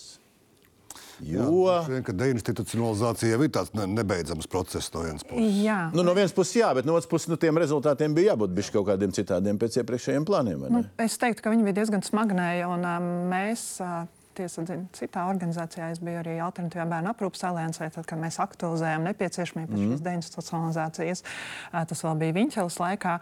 Uh, Tad uh, jau mēs uzskatījām, ka nav pareizi, ka tiks saliktas visas jomas kopā, ka vajadzēja atsevišķi likt teiksim, in- invalīdus, atsevišķi, atsevišķi bērnus, nevis visu salika vienā lielā katlā. un Tad īstenībā tie bērni, nu, ja skatās no mūsu puses, viņi pazūd, un viss tas process bija ārkārtīgi smagnējs un uh, nu, daudzajā ziņā arī kaut kur formāls. Un tā tas gāja, un gāja tagad, un ies tagad tālāk, un, un process formāls, bet iet. Prot, protams, ka viņš ies, un uh, to, ko es teicu, arī uh, ir, ir sabūvēts. Uh, uh, Deinstitucionalizācijas um, ietvaros arī pietiekoši daudz labas lietas. Mēs esam uh, uh, gan no uh, uh, mūsu valsts sociālā aprūpas centriem uh, daudz uh, cilvēku dabūjuši tajā ģimeniskajā vidē vai sociālajā dzīvē, tā skaitā arī darba vidē. Bet, protams, ka šeit arī uh, darbs, nu kāpēc tā, tā, tā pati izglītošana attiecībā uz bērniem, uz uh, bāriņu tiesām, uz uh, sociālajiem darbiniekiem, viņiem jau vajadzīgi. Nu, tiem cilvēkiem arī ir jāpārapmācās, jāiet uz priekšu, ir jāmāca sociālie darbinieki, kas mums kopumā valstī arī trūkst. Uh, Bet Tad jūs sakat, ka kļūdas nekādas nebija. Ne Nē. toreiz, ne tagad. Viss, net, iet es labi. neteikšu, pa- ka nebija kļūdas. Es teikšu, ka iespējams, ka vajadzēja to darīt uh, savādāk. Tā kā jūs arī teicāt, dalīt tur uh, nezinu, bērni ar invaliditāti, bērni, uh, bāreņi, tur uh, pieaugušo ar invaliditāti, ar uh, garīgām saslimšanām, ar dažādām uh, citām teiksim, uh, slimībām. Bet uh, tas kopums ir gājis diezgan pareizi uz priekšu. Tas, kas man Ir gājis pareizi uz priekšu. Tas kas, tas, kas man šobrīd, tas, kas man šobrīd nepatīk, ka mēs šo Jums grib runāt, runāt, un runāt. Tas PR vecais gājiens. Jārunā, jārunā, Nē, jārunā. bet ar- arī tie, tiem ieguldījumiem un tiem uh, uzlik, uh, uztaisītajiem pakalpojumiem šobrīd, tikko mums beidzās uh, fondu naudas, mums uh, tas pakalpojumu grozs, kas ir pacelts augšā. Mēs viņu no pašvaldību puses vairs nevaram nofinansēt. Nu, tas pakalpojums ir jā, jālaiž uz leju. Ir gājis uz uh, pareizo negribās nākošos Ir jālaiž, nav jālaiž, ir jādara. Ne... teikt, ā, liela nauda. Un tas rezultāts, nu, mēs jau sākotnēji teicām, ka mēs gribētu redzēt to rezultātu cil vairāk cilvēkiem. Um, Kā ieguvumu, uh, uz ko mums teica, tukšā vietā nekas nerodās, ir jāizveido infrastruktūra. Un infrastruktūra, nu, nevarētu teikt, ka nu, nekā nav, viņa aug. Uh, Vecais joks betonā vairāk, negribās- cilvēkos mazāk. Negribās ļoti kritiski. Nu, tur ir vajadzīgas specializētās darbnīcas, grupu mājas. Tad ir jāizveido specifiski, specifiskas vietas, kur šiem cilvēkiem tad, eh, veidot to dzīvi sabiedrībā, sabiedrībā balstītu. Jā, un tad tie stāsta, ka tās grupas mājas ir kaut kur LR ratā vispār tur pie nu, mēža un, un štuntīga. nē. Ir arī labie piemēri, kaut vai Ādaša pašvaldībā pašā centrā. Daudz uh, dienas centrs. Ir, ir, ir, labie, ir labie piemēri, Salaspilī arī, manuprāt. Uh, paši mēs nedaudz apsakām. Ir vietas, kur, bet ir, protams, Baloškungs neļaus samelot, ir mežā labi tālu prom, lai nemaisās kā, kā vecos laikos, pieņemsim. Uh, bet, nu, Tā projektā bija tiešām lielas naudas un tad daudz neskaidras lietas, nu ļoti neskaidras. Tad bija tādi mentori izaudzināti, kur tie mentori būs, kur viņus vēlāk liks. Nu, cilvēkiem atbalsta personas, ā, viņus tur izskoloja un tad viss palika. Tālāk tas nekur neturpinājās. Um, ļoti daudz dažādas apmācības. Um, nevalstiskais sektors ļoti kritizēja, ka sākotnēji klienti izvērtēti, pēc tam tikai veidojumi pakalpojumu. Kad pakalpojums izveidots, viņi atkal ir jāpārvērtē, jo viņi jau vairs nav tādi. Ko, ko tagad redz? Ir jauns Tāda. ministrs, jauns vecais ministrs, saucam, kā gribam. Ko viņam tagad ar Tā. šo saimniecību darīt? Vai tas jau ir vilciens, kas ir aizgājis? Nu, grūti pateikt, droši vien tā, tās, tās Eiropas Savienības eh, fondi, kur, kur ir kaut kādi uzstādījumi, ko, ko, ko tā laika valdība ir sarakstījusi un apsolījusi. Ļoti grūti jau kaut ko izmainīt. Bet tas, kas eh, kā problēma, man liekas, ka visā šajā procesā ir tas, ka nu, nebija tā sistēmiskā skatījuma. Varbūt, ka pieredzes trūka, bet varbūt, ka neieklausījās arī tajos sociālajos partneros, kā nevalstiskajās organizācijās, nu, kas teica, ka rekrutē ir cilvēks, mēs viņu izņemsim, ko tālāk. Viņam ir jāstrādā, viņam ir jāpelnā, viņam jābūt liederīgam. Un, un tas, ko Saimnes analītiskais dienests vienā pētījumā pasalīdzinoši nesen teica, ka pie esošās sociālās un, uh, sistēmas cilvēki ar intelektuālās attīstības traucējumiem nolemti bezjēdzīgai eksistēšanai. Arī tajos, uh, tajos uh, grupu mājās, grupu dzīvokļos bieži vien tā bezjēdzīgā eksistēšana parādās. Cilvēkam ir jāstrādā. Tas, ko arī Edgars saka, Tas būtībā tas, ko mēs Vajadzētu. iepriekš runājām par darbu. Jā, vajag virzīt viņu uz darbu, un katrai eh, labklājības ministrijas darbībai, kaut kādai, kur mēs atbalstam cilvēku, viņam ir jābūt virzībai uz to, ka mēs tevi iekārtosim darbā. Te būs, ja tu nevari neko darīt, te ir specializētās darbnīcas, te tev atbalsta persona, te ir atbalstītā darba sistēma, kuras Latvijā nav, bet pasaulē ļoti izplatīta ir. Un mēs mēģinām izmantot daudzus veidus, lai to cilvēku iesaistītu. Labi. Vēl viens temats par virzieniem, pirms mēs pieķeramies lielajam apjomam, kur ir Voļskungam primāri jārunā par vecuma pensijām. Uh, temats ir, uh, atkal es ne to spiežu, uh, uh, adoptēto bērnu skaits. Nu, ar vēl vienu lietu, nu, kur bija, es nesauktu to par reformu, varbūt, bet um, uh, nu, lielais kašķis par to, uz kurien drīkst adoptēt, uz kurien nedrīkst. Un tad nu, ārzemju skaits, tas gaišāk zilais uh, stabiņš saruka. Bet tas tumšs, ziļa, zilais stabiņš pagaidām, nu, ja mēs skatāmies atkal pilnos gadus, nu, viņš uz augšu baigi negāja. Neskatoties uz jūsu personiskām pūlēm šajā jomā. Uh, kas šajā jomā, adaptācijas sāgā, notiek vai nenotiek? Nu, varbūt tas ir normāls process, kur tik ātri mēs neko sagaidīt nevaram. Nu, es teiktu, ka zināmā mērā tas ir normāls process visā Eiropā. Ja mēs skatāmies, adopcija nav tā forma, kas tiek ļoti attīstīta. Un, viņa statistikā, nu, tiksim, citās valstīs tās pārsvarā ir adopcijas ģimenes iekšēnē, kad laulātais adoptē otru laulātā bērnu. Ā, Pie mums lielā mērā to situāciju mm, ietekmē tas, ka ģimenēm nāks ļoti ilgi gaidīt. Viņi ir ieguvuši adaptētāju statusu, un tad ir vairāk gadi, ka viņi gaida kaut kādus piedāvājumus. Un Tad tas, ko iesaka gan bērniņtiesas, gan ko pašas ģimenes izvēlās, viņas vienkārši iet citu ceļu. Viņas iet kā auģu ģimenes, kā aizbildņi, nu, lai nebūtu jāgaida entie gadi. Bet tā, to gaidīšanu varētu kurā līmenī kā risināt? Nu, kā, man liekas, pats svarīgākais lai gan būtu saprast, vai adopcija ir pašmērķis, vai tas ir kaut kāds rādītājs. Jo mēs runājam par bērniem, kas ir zaudējuši ģimeni, vai tas, ka viņam tiek nomainīta tieši šī forma, status, vai tas maina viņu skaitu, nu, nemaina. Tāpēc pats svarīgākais aspekts noteikti tas, cik daudz bērni mums ir īpaši tās deinstitucionalizācijas kontekstā dzīvo ģimenes. Tieši tas pats konteksts. Jā. Vai deviņu mēnešu aizdīto kontekstā ir mācības par šo? Nu, jāpiekrīt tam, ka varbūt ir jāskatās nevis tikai uz uh, adoptēto bērnu skaitu kā tādu, bet uh, uz to, cik mums bērnu, kas paliek vispār bez uh, aprūpes ģimeniskajā vidē. Un, man liekas, ka deinstitucionalizācijas procesā panāks būtisks uh, solis uz priekšu. Ja 16. gadā mums tādu bērnu bija nedaudz vairāk kā pusotrs tūkstotis, tad šobrīd tie ir zem 500, ap 400. Un, uh, līdz ar to mēs tiešām Uh, nu, esam nodrošinājuši lielākajai daļai šo bērnu ģimenisku vidi šādā vai citādā formā. Bet, uh, nu, protams, kad uh, tā problēma joprojām pastāv tīpaši vecuma grupā, kad tas bērns ir pusaudzis. Un, uh, tur ir, domāju, ka jāpievērš liela uzmanība, kā mēs varam šos bērnus attiecīgi šajā ģimeniskajā vidē arī integrēt. Ir kaut kas vēl darāms, tur izdarāms? Nu, Auģu ģimeņa attīstība viennozīmīgi tas, tas ir solis, kur jāiet vēl uz priekšu, un auģu ģimeņa skaits mums nav pietiekams. Un šķiet, ka kādā, nepateikšu, kurā gadā bija valdībai ir atņēmība visi bērni ģimenēs, tā, tad, nu, ja 400 tomēr nav savu ģimeņu, tad mēs līdz tam mērķim neesam tikuši. Tas, laikam, bija straujums valdības laikā.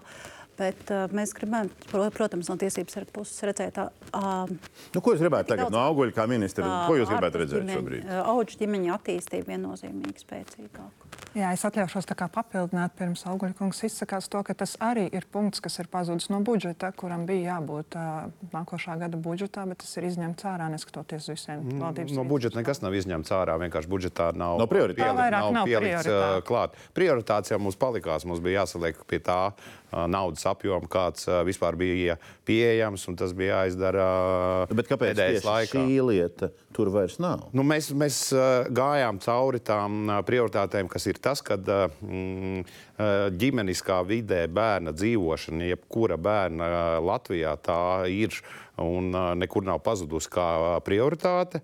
Nu, ta, ta, tas ir laiks, kad mēs uh, esam gājuši prom no tā saucamajiem klasiskajiem bērnu namiem, lai bērni tiešām visi Latvijas bērni ģim, dzīvo ģimeniskā vidē. Vai tā, tās ir augu ģimenes, vai tā ir uh, adopcija. Uh, tas ir Bērnam, kā bija, tā mēs- tomēr ir labi mazāk, bet viņi ir. Nu jā, bet mēs, mēs jau ejam, tā, tā skaitā deinstitucionalizācijas ietvaros, mēs jau uz tiem jautājumiem visam, ā, visiem ejam. Bet no kāpēc, kāpēc tas nav noticis iespējams ātrāk? Nu, to man ir šobrīd vēl grūti pateikt. Bet jūs ā, prāt, tas, ka budžets pazūd, tas neko tas ir darbs. Budžets nepazuda, nebija ā, klāt papildus. Budžets un viņa lielākā daļa - vecuma pensijas. Mēs salikām, nu, bet, protams, mēs arī pie visām pārējām pensijām varam kontekstā pieķerties. Mēs te salikām svaigākos datus, ko varēja dabūt. Uh, Saņēmēja skaits pa, pa saņemamām naudām septembrī. Tas ir pirms tiem 6,4%, kurus indeksēs, nu, kam pilnā apjomā, kam tos 600 un drusku um, eiro klāt. Nu, tas, tas, kā es šo nolasu, eh, nu, līdz tiem 200 tur ir, tur, kas saņem vietējās kaut kādas ārzemju, nu, tur ir, tur ir nespekulēsim. Bet nu, tomēr starp 200 un 450 um, tur ir viens 100, nu, gan 180 tūkstoši cilvēku, kas saņem starp 200 un 450. Nu, kas pie pašreizējās labklājības minimuma. Nu, tas nekādīgi neierakstās labklājības minimumā. Nu, labi, nu, uh, gan īsti puse no visiem šiem saņem starp 200 un 500. Nu, tagad, labi, tie, tā indeksācija tur augs kaut kur uz augšu. Nu, labi, kāds tur tiks pāri 500, bet vienalga ap 200 tūkstošu. Tā vai citādāk. Un, protams, ka tur visiem nav vienāda situācija, ir dažādas situācijas, bet tur ir gan vientuļie, gan tādi, par kuriem rūpējās, gan tādi, par kuriem nerūpējās neviens. Nu, ap 200 tūkstošiem. Un te mēs vairs atgriežamies pie tā, ka viņi dzīvo šodien. Un mēs par to darba tirgu kaut kādus piecus gadus risinot. Nu, šī ir šodien. Nu, ko jūs sakat par šo sistēmas rezultātu, kurā, protams, ir korekcijas? Es tagad pie piemaksas pastāžu tādas, tur pa gadu tur 1,52 vēl kaut kas. Jā. Kur mēs te atrodamies un kādu, cik prātīgu vai, vai nepārāk prātīgu ceļu mēs ejam? Laikam tas īsa atbilde ir tāda, ka parasti, kad mēs skatāmies uz pensiju sistēmu un uz šiem skaitļiem, tad es saku, tas ir spogulis tam, kas ir noticis pēdējos 10, 20 gadus. 10, 20. 10, 20 gadus pēc būtības tie cilvēki, kas ir nonākuši tagad, kļuvuši par pensionāriem, nu, 20 gadus atpakaļ, viņi bija visdrīzāk darba tirgū. Nu, kā kurš? Jā, 30, Kā kurš, jā, 40 nu, arī. tur vairāk vai mazāk. Jā, un tas atspoguļojās tajā nodarbinātības jautājumā, tas ir viena daļa. Un otra ir šī nodokļu maksāšana, par kuru mēs mēģinām diskutēt kaut kādā brīdī. Un tad tas sasaucās, caur ko ir Latvijas ekonomika gājusi augšā lejā. Atcerieties, 2008. gada krīze, kad bija milzīgais kritums. Vēl 20 gadu atpakaļ, vai kad notika pensijas sistēmas reforma pēc būtības. Ja, tagad tas ir tas spogulis, kas šodien atspoguļos tam, kas ir noticis. Bet tad, kad jūs minat šo 25, 30 gadu, šo 100 tūkstošu, jāsaprot, ka tas skaitlis, kas ir 436 tūkstoši, viņš jau būs 600 tūkstoši. To pensijas uh, vecuma vai vecuma pensijas saņēmēju skaits pieaugs. Mm -hmm. Un Tātad jau mēs piesauksim tajā, tajā tātad tos cilvēkus, kas ir nevis 200, bet varbūt 300 vai 400 tūkstoši. Bet inflācija iet līdzi. Jā, jā, bet tāpēc nu, gan algu inflācija, bet mm -hmm. tāpat tās tas viss ies līdzi. Ja mēs skatīsimies vienmēr to vidējo stabiņu. Bet, bet ja mēs neatrisināsim šo piecu gadu jautājumu, tad, diemžēl, viņi būs nevis 300, 400, bet iespējams 500 tūkstoši jau būs.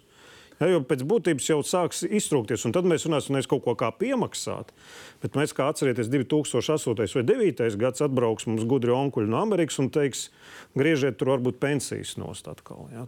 Bet uz šī fona, kā jūs izlasat jaunās valdības 12. punktu deklarācijā? Panāksim sociālā budžeta ilgtspēju un nodrošinājumu cienīgām šī valdība līdz nākamajām vēlēšanām trīs gadi. Cienīgām vecumdienām. Nu, kā jūs viņu izlasat? Par cienīgām vecumdienām te es varbūt sasaucu to, ka mēs pieminējam vārdu labklājība. Un te tiek runāts par kaut kādu minimālo grozu, nabadzības, lieks, eh, nabadzības risks. Bet tad es vienmēr saku, jā, bet mēs tagad skatāmies uz pensiju kaut kādos absolūtos skaitļos. Un es vienmēr esmu stāstījis, ka tas ir nepareizs mērītājs, kā izmērīt, cik tev ir tā pensija liela, laba vai slikta. Vai runa ir par to, cik liela tava pensija ir tas saucamais atvietojums līmenis. Proti, brīdī, kad tu dodies pensijā, kad tu sasniedz pensijas vecumu, un cik ir tava alga tā brīža pret tavējo pensiju procentu izteiksmē. Un ECO ir pat izreikinājis to, ja tu esi zem 40%, 45%, tad tu esi nabadz, tajā nabadzības riskā iekšā. Tad neatkarīgi vai tu saņem tur 300, 450, varbūt pat 1000 eiro, bet ja tev tā pensija procentuāli ir atvietojusies par kaut kādiem 40%, tad, diemžēl, tu esi nonācis nabadzības riskā. Un es šeit pirms nāk, nāk, nāk, nākot uz raidījumu izdrukāju raidījumu, kas eh, atvainojas, izdru, izdrukāju dokumentu, kas saucās Sociālās aizsardzības un darba tirgus politikas pamatnostādes. Un tur bija rādīts, Pāris gadus uh, iepriekš pieņemtas. bet viņš līdz 27. Mm -hmm. gadam ir uzrakstīts. Mm -hmm. ja? Un tur bija izreikināts, kāds ir mums sagaidāmais atvietojamības līmenis. Un, ja tur tagad precīzi nenosaucot skaidru, 23. vai 22. gadā viņš bija 40%, 44%, tad nākotnē ir plānots, ka viņš sāks iet uz 40%. Tad pat Pie jau kritiskās robežas. pie kritiskās robežas. Tas atbild uz to, ka pēc būtības nekas jau šodien netiek ar šo visu kopumā, ko mēs runājam. Risināts, lai mēs šo atvietojamību sāktu celt uz 60, 70, 80, varbūt pat 100 procentiem. Bet, Vaļskungs, tas nozīmē, ka šis punkts ir blefs. Nav blefs. Kāpēc? Pirmā, pirmām kārtām ir jāsaka tas, ka uh, ilgspējas nodrošināšanu uh, Edgars jau nerunā pretī tam. Uh, tas, ko mēs ejam piemaksas no, pie pensijām, ir izmaksas no pamatbudžeta. Uh, ir jāstrādā un jāauga ekonomikai. Un, uh, nākot, nākošais, ko mēs varam darīt, ko mēs vērtēsim, arī pēc uh, 96. gada darba stāža uh, novērtējuma. Plus tam mēs vērtēsim, kādus uh, pakalpojumus mēs varam atslogot no uh, speciālā budžeta, pārliekot uz pamatbudžetu. Bet lielais jautājums jau visus gadus ir bijis tas, ka speciālais budžets strādā ar pārpalikumu. Šobrīd labi, nu, tam atvietojamībai vajadzētu būt uh, gada griezumā lielākai, lai mums ir droša rezerve. Bet pamatbudžets visu laiku strādājas ar mīnusu. Un realitātē mēs jau to konsolidēto budžetu pateicot, uh, panākam pateicoties tam, ka mēs divus budžetus saliekam kopā un uh, mums izskatās labi ar mazu deficītu. Bet pamatbudžets strādā ar stipri lielāku deficītu. Un te ir tā svarīga lieta, ko es arī vienmēr stāstīju, ka mēs sakām, ekonomika augs. Ja? No, ko nozīmē ekonomika augs? Nu, kaut, ka, parasti mums saka, mums IKP pieaugs par pusotru procentu. A, kā tas personīgi katru no mums ietekmē? Nu, nekādīgi. Un tāpēc vienmēr saku, nu, tu nevari mērīt šo sociālo labklājību pēc kaut kāda IKP pieauguma. Te Es tie mums- primitīvi runājot, turīgākie var kļūt vēl turīgākie un nabadzīgākie vēl Ekonomikā, nabadzīgākie. diemžēl, tas tā notiek, ka mēs skatāmies tādā virzienā. Bet tad mums ir svarīgi runāt, kā mēs attīstīsim darba tirgu, nodarbinātību, ka cilvēki paši varēs strādāt, saņemt atbilstošu atalgojumu, samaksājot nodokli, viņš sāks veidot savu individuālo pensiju kontu. Uzkrājuma kapitālu. Jo svarīgi tas, ka pensi, pensiju sistēmā nav kaut kādi absolūtie vidēji skaitļi. Viņi neeksistē. Ir katram savs individuālais pensiju konts, Valsts sociālās apdrošināšanas aģentūrā izvēlētā otrā pensiju līmeņa pārvaldniekā, trešā, kur jūs katrs pats krājat savu individuālo pensiju no darba samaksas un maksājot nodokļus.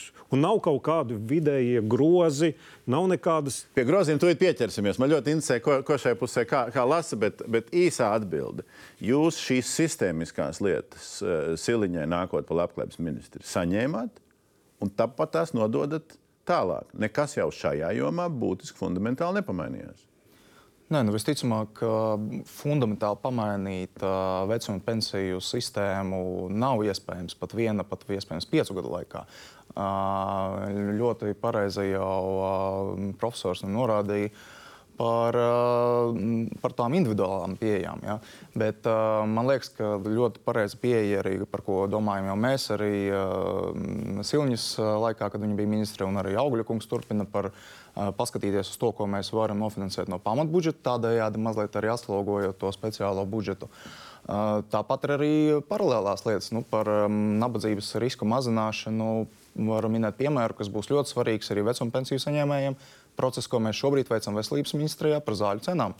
Ļoti Jūs ceram, stāstat mēs... par finansēšanu no pamatbudžeta, un jūs esat šobrīd veselības ministrijā parlamentārais sekretārs. Precīzi. Nu, nu, kādas, kāda finansēšana labklājībā no pamatbudžeta, ja viss tas ir jāgāž veselībā, izglītībā un vēl kaut kur, un summāri mums ir 1,7 miljardu deficīts jau uz nākamo gadu plānojās. Nu, ko no pamatbudžeta mēs te nofinansēsim vēl? Nē, nu, ļoti pareizi Augļa kungs pateica. Un tajā brīdī, kad mums uh, ir no kā nofinansēt, kad ekonomikai aug, mēs varam kaut ko pielikt papildus. Bet uh, jāsaprot uh, tas, ka nu, tiešām uh, ļoti daudzi no uh, vecuma pensiju saņēmējiem.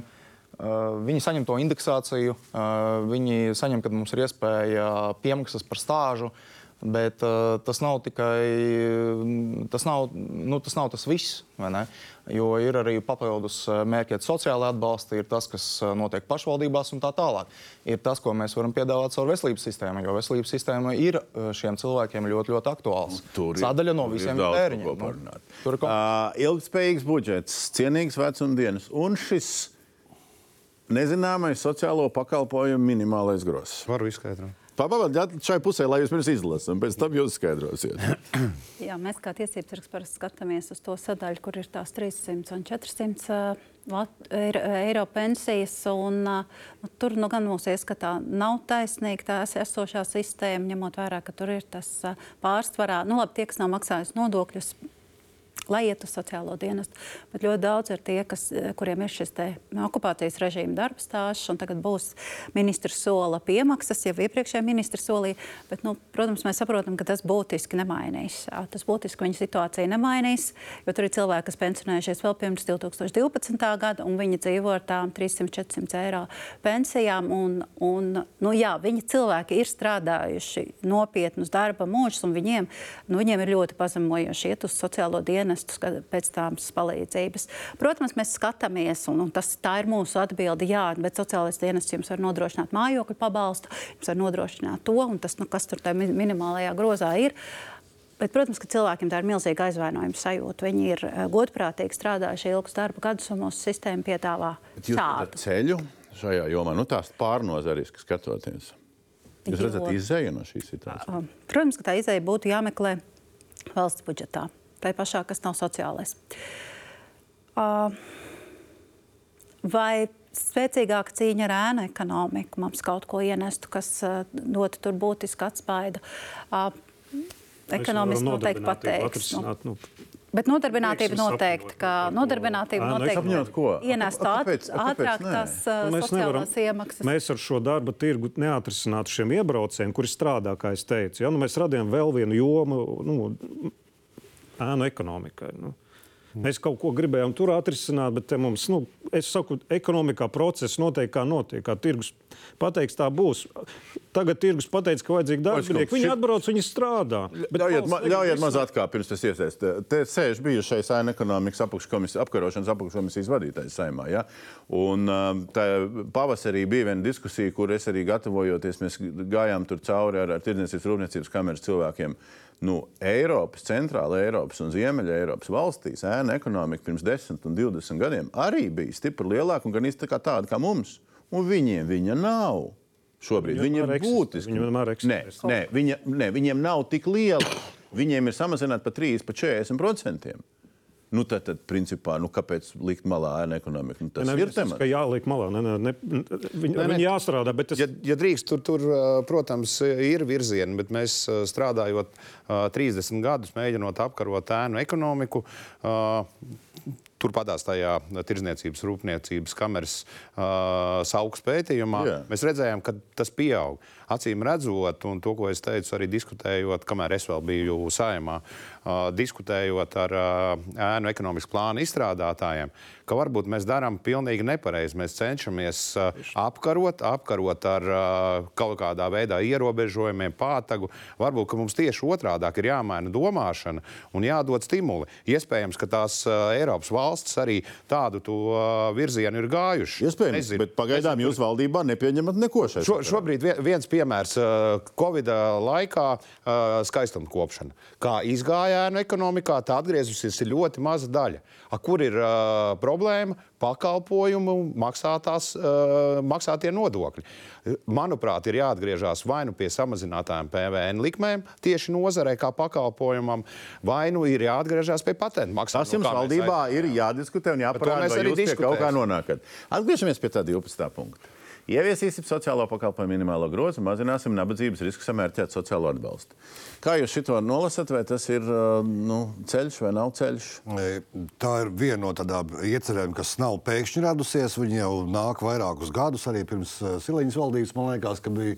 Un tā ir tā lieta, ko mēs diezgan daudz arī mēģinājām atbalstīt, kad ir jābūt vienādam pakalpojumu grozam neatkarīgi, vai tu esi Rīgā vai, vai, vai kādā nomaļākā vietā Latvijā dzīvo, ka tiem atbalstīt atbalsta mehānismu. Bagātā un turī, turīgā jā, jā, un nabadzīgā pašvaldībā vienādi. Neatkarīgi ne, ne no kā tev tas atbalsta pakalpojumu grozam vajadzētu būt vienādam. T -t tas ir tas pareizais veids, bet vai tas atrisinās to, tās, tās cienīgās vecumdienas, tā, tā, tas man liekas, ka ir divas dažādas lietas. Mm -hmm. Tas, ka tev ir atbalsts vajadzīgs kaut kādā noteiktā brīdī, krīzes situācijā, kurā tu esi nonācis, nezinu, darbu zaudējis vai kaut kas noticis tavā dzīvē, tam pakalpojumu grozam ir jābūt vienam. Un iepratim tam, ko jūs sakat, 12.2. Uh, rīcības plāna projektā ir teikts, mazināt nevienlīdzību sociālo pakalpojumu pieejamībā starp pašvaldībām.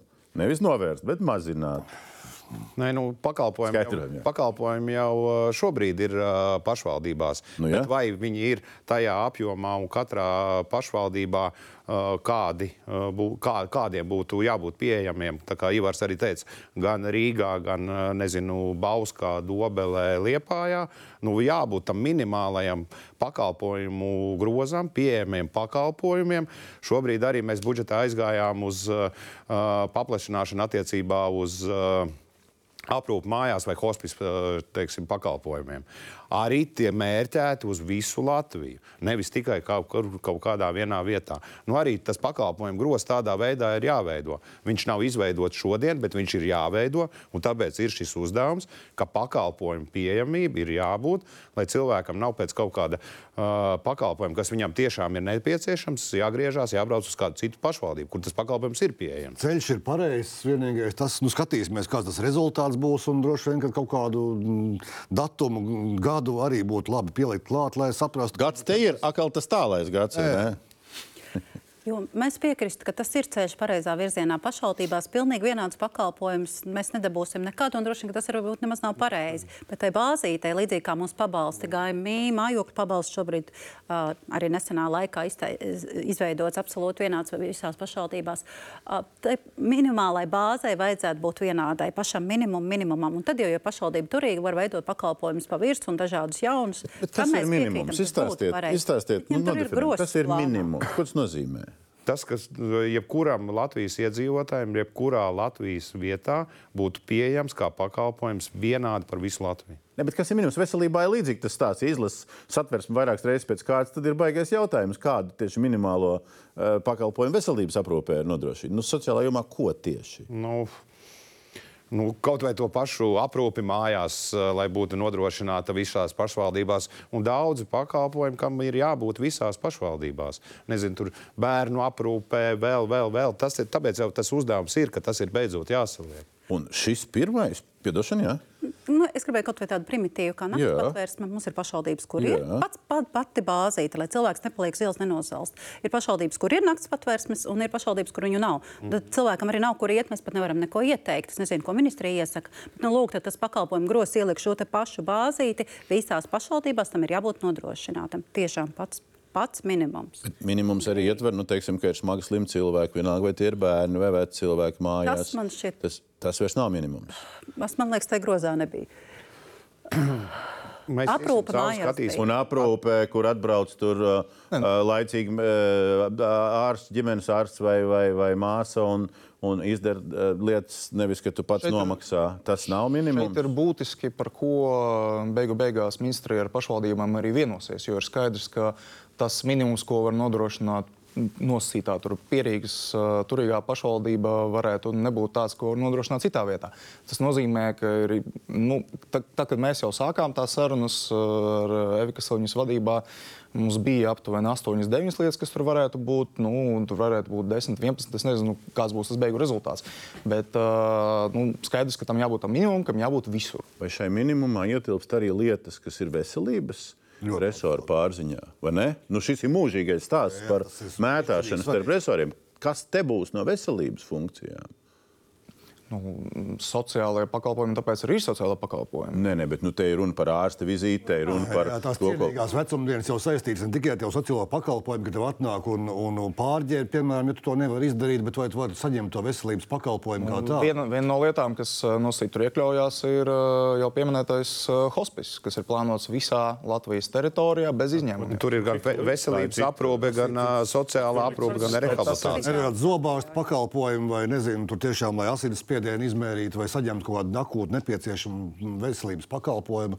Ja tu dzīvo ārpus pilsētas reģionā kaut kur. Ko... Nu, Zobārstu kabinetī var droši vien, ka neizvedīsim ārā uz katru, jā, uz katru vien, vietu, kad, kad, bet uh, pakalpojuma minimālais gros un nodrošināšana tā var būt arī, teiksim, uh, tas pats uh, nodrošinātais transports pieejamība no pašvaldības puses tieši nogādāt no punkta A uz punktu B cilvēku, kur tas, pakalpo, kur tas pakalpojums ir vajadzīgs. Bet, ne, par šo mums ir jāvienojas līdzīgi līdzīgi kā mums ir uh, mājokļu pabalsti, līdzīgi kā mums ir citi pabalsti, kas ir valsts noteiktais pabalsts, kur valsts piedalās ar līdzfinansējumu. Līdz ar to šī ir diskusija. Es jau tikos pašvaldības savienībā ar uh, sociālo uh, komiteju, kur mēs arī šos jautājumus jau runājām. Ir vēl ko piebilst pie šāda minimālo pakalpojumu saraksta? Nu, man liekas, tās lielākās bažas būtu par to, kas to visu nodrošinās un. Jo mēs jau varam tā runāt daudz, bet mēs redzam, ka tā ir, ir ārkārtīgi liela problēma ar cilvēku resursiem. Un kaut vai tie paši pieminētie zobārsti, it kā jau piemēram bērniem ir valsts apmaksāta zobārstniecība, bet cik es zinu, piemēram, tā pašā Liepājā, kas ir viena no lielākajām pilsētām Latvijā, bērniem nav pieejama zobārsta. Vienkārši tur neviens zobārsts nes, neslēdz līgumu. Mm. Tieši tāpēc mēs esam paredzējuši 2024. gada budžetā no tiem 13 miljoniem, kas mums nāk papildus bērnu mācību veselībai, no tiem 10 ir tieši bērnu zobārstniecībai. Problēma ir tajā, un uh, jau vairākus gadus bija tajā, ka tur bija tie tarifi, nebija tik pievilcīgi, lai arī tie nu, zobārsti ir teicīgi nodrošinātu šos pakalpojumus. Mēs pieliekam būtisku naudu klāt tieši ar to domu, lai tas pakalpojums kļūtu daudz pieejamāks. Lai tik tas cilvēks tur uz viņu parādītos. Noslēdzot šo, ja, ja lasa, uh, nekritizējot to punktu, tad 12, 2 starp trim apakšpunktiem Pirmais apakšpunkts, kas saka, ka noteikti pašvaldībā obligāti nodrošināmie sociālie pakalpojumi iekavās minimālais sociālo pakalpojumu grozs. Šeit termiņš, nu, ja es nekļūdos un ticu savām acīm, ir šī gada 31. decembris. Es pareizi lasu. Jā, nu, šis grozs jau bija arī viena no. Divos mēnešos būs grozs pabeigts. Es ne, tas nevaru pateikt, kas ir sen sācies. Un... Labi, labi, labi. labi nu. To pakalpojumu minimālo grozu es domāju, ka mēs arī nodefinēsim līdz uh, gada beigām, jo tas bija arī uh, tie uh, valdības deklarācijas mērķu uzdevumi. Nu, 12. Punkts, Tagad precizējoši jautājums. Kad tas grozs sāk strādāt pēc jūsu versijas? Uh, visdrīzākais, ka tas ir uh, jau daļēji nākamais gads, bet uh, realitāte, uh, lai viss grozs, viss normāli strādātu, būtu sākot kā pēdējais uh, laiks brīdis ir 2025. gada sākums gross un tā realizācija, tās ir divas dažādas lietas. Mums vēl tā veselības joma ļoti svarīga. Un, ja tie resursi savstarpēji nesadarbojās, un bieži vien veselība ar labklājības jomu, kā teikt, nesaiet kopā, nu, centrējoties tomēr uz to cilvēku, skatoties tās viņa vajadzības. Tad... Tas, tas, ko es teicu, ir gross, ko mēs nodefinēsim, bet jautājums ir, kā mēs un kādās attiecībās mēs vienosimies ar pašvaldībām attiecībā no šī pakalpojuma realizācijas. Labi, to mēs redzēsim 31. decembrī vai janvāra pirmās dienās, kas tur ir vai nav noticis. Tagad noslēdzot šo sarunu. Nu, man šīs sērijas raidījumos visos uh, noslēguma jautājums ir, uh, kam ir jābūt rīcības plānā. Bet šobrīd ir tā situācija, ka visi tie resori ir iesnieguši tos pirmos variantus uh, un radījuši. Daļai, daļai ir izsūtījuši, daļai, daļai vēl nav izsūtījuši. Līdz ar to nu, mēģinam likt kopā no tā, kas mums te izskan, kas varbūt ko mēs nepieminējām. Ir, protams, visādas daudzas nianses un apakšnianses un apakšpunkti. Uh, Nu, galvenie akcenti no tā, kas vēl nav ielikts tajā rīcības plāna projektā, ko mēs tam bišķiņi pakritizējam, kam pienāktos tur nākt klāt vai kam pienāktos tur mainīties. Nu, vai vēl kaut kas cits? Jā, mēs no savas puses neesam iesnieguši nekādus priekšlikumus, jo likās, ka tādus sadalītus priekšlikumus tu nevari iesniegt, jo tev vajag tādu politiku, tādu virsmērķi kaut kur dabūt. Piemēram, tā invali, cilvēka invaliditāte politikas mērķi. Droši vien, kad mēs ne, nedabūsim iekšā, jo tur ir ļoti daudz lietas, kas jāveic.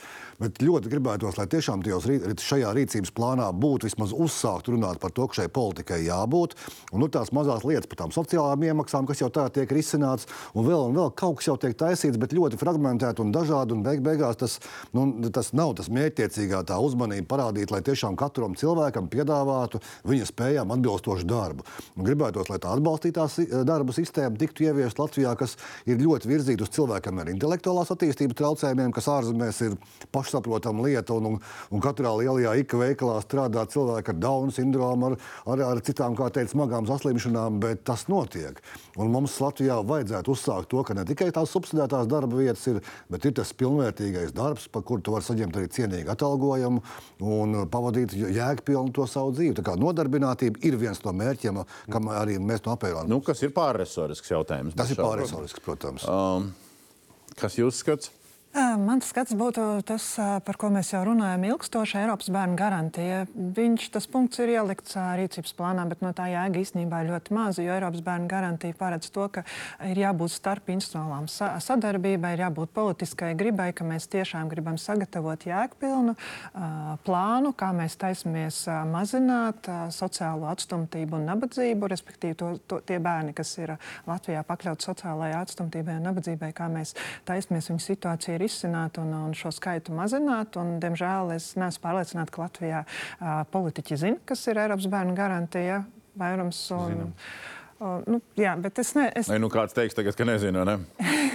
jā, ne, man liels prieks, ka ministra kungs to zina, bet es tiešām gribētu arī to redzēt kā prioritāti. Jo braucot, pirms mēs bijām Briselē vasarā, un varēja ļoti labi redzēt, ka uh, valsts, kā tagad, piemēram, Spānija uzsāks uh, prezidentūru Eiropas Savienības, viņiem tā ir prioritāte, viņi par to runā, viņi ievieš dažādus pasākumus, un viņi plāno, kā tiešām tas, ko es iepriekš minēju, uh, ka, ja mēs nevaram dabūt to kvantitāti, mums ir ārkārtīgi jādomā pie kvalitātes, uh, pie tā, lai tie bērni, kas kas ir, lai viņi tiešām varētu izaugt un, un īstenot to savu potenciālu, nevis radīt jaunus bērnus, kas būs sociālais sloks, kas būs problēma, vai paši būt tajā daļā, kas ir tie pabalstu saņēmēji. Un tas, tas ir atkarīgs no šodienas politikas. Arī tas, ko man ļoti patika, arī Īslandes ministrs akcentēja dažas dienas atpakaļ um, saimā, ka bija tā konference, kad uh, ieguldījumi bērnos tās ir investīcijas, tie nav izdevumi. Mēs nedrīkstam uz to skatīties kā uz izdevumiem.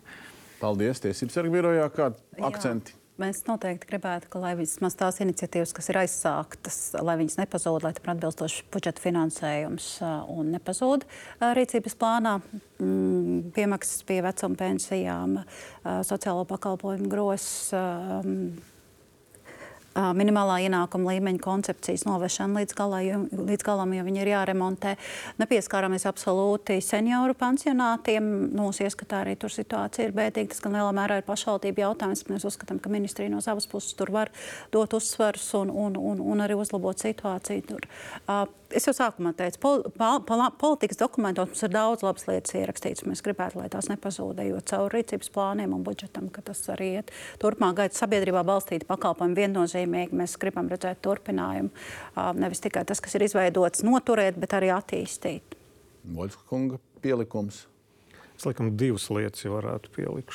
Viena ir, kad es lasu šos dokumentus, kad visur tiek ielikti tālie plāni, kaut kāds 26, 27 mm. gads. Ne, te 26, tad vēl. Nu, pieņemsim 26 gads, bet kas traucē uzzīmēt, ko mēs darīsim 23. gada 31. decembrī, 24. gada 3. jūnijā, 24. gada 31. decembrī un tā pa pusgadu uz priekšu konkrēti katrai šai darbībai, šajā kalendārā ieliktu, mēs izdarīsim kvalitatīvu, sasniegsim to, kvantitatīvu. Mēs iztērēsim tik miljonus, iegūsim tik miljonus.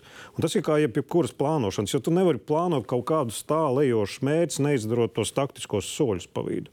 Un tā man būtu rekomendācija šajos dokumentos ieliekot, ka šeit ir tie taktiskie soļi un kad konkrēti izmēru, un plus vēl kurš tad konkrēti atbild par šiem darbiem. Nevis atkal, ka mēs runājam kaut kādu mēs Bet konkrēti, ka tas ir tāds un tāds ierēdnis, konkrēti tas ir tāds dienas, tā, in, konkrēta institūcija. Lai to visu izdarītu, mēs dzīvojam 21. gadsimtā, kur valstī šodien ir milzīgi daudz datu. Ja, tagad runā par visādiem mākslīgiem intelektiem, visi gudri runā un tā tālāk. Kas īstenībā ir tāda milzīga datu apvienošana vienotā datu bāzē, un Latvijā pietiekami labi tas viss ir attīstīts.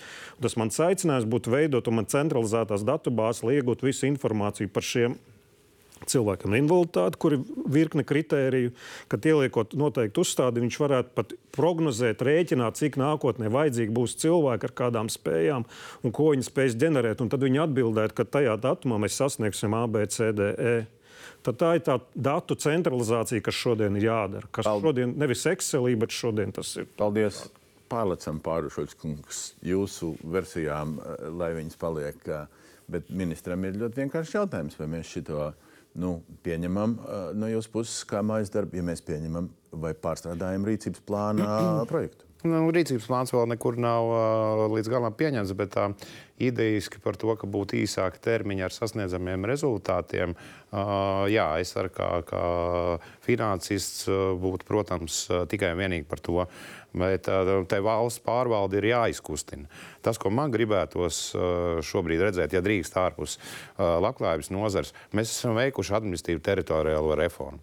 Šobrīd ar visu to normatīvismu, visu, kas ir, man gribētos veikt valsts pārvaldes pilnīgu reformu, lai nebūtu mums tie ilgie termiņi, kaut kāda laika, kaut kāda mētāšanās, bet lai mēs to tiešām nu, varētu darīt daudz ātrāk, operatīvāk un arī nu, redzē, redzēja to kopskatu valstī. Kopskatu. Mums tikko ir apstiprināts iepriekšējā valdībā valsts pārvaldes modernizācijas plāns. Daudz izkritizēts no modernizācija, nav, nav reforma. Labi, bet atgriežoties uh, nozarē, tad tas, kas te izskan, vai pret kaut ko ir kategorisks nē? Nē, nav. Visi, visi tie Paliksim jautājumi, kas ir risināti, bet viens tas uh, jautājums, kas arī uh, ir svarīgs, manuprāt, un, un, un to uh, bija diezgan sarežģīti uz nākošo gadu atrisināt, bet kas arī būtu pamatbudžeta izmaksas uz to, ko man gribētos iet, lai tas grafiks, ko, ko, kas tika rādīts, uzlabotos, tad tās ir valsts noteiktā pensiju minimums. Un, un, un izējot no tā, mēs uh, liekam klāt to, kas ir katram sociāli iemaksāts un nopelnīts. Ja mēs uz to varētu aiziet, nākamajā gadā tas izmaksātu papildus 152 miljonus, uh, ko mēs, protams, tajā budžeta rāmī nevarējām atrast. Bet tas arī viens no soļiem, kā stabilizēt to pašu speciālo budžetu. Labi, laiks rādīs, kā jūs stabilizēsiet resoriski vai pārresoriski. Um, ieraksts šim raidījumam saglabāsies. Līdz ar to mēs varēsim vērot gan, kas notiks rīcības plānam, noslēdzoties, gan kas notiks turpmākajos uh, mēnešos un gados. Paldies visiem, kas atnāca un dalījās šeit ar saviem redzējumiem par labklājības uh, jomas politiku. Cienījamies skatītāji seriāls Kas jādara Evikas Siliņas valdībai? Turpinās sasaistē ar to, ko mēs te tikko runājām, tā skaitā ekonomikas joma. Nākamais secībā pēc šī raidījums. Um, 3. novembrī būs tieši par um, to, kāda būs ekonomikas politika. Paldies visiem par dalību. Turpinājums sekos.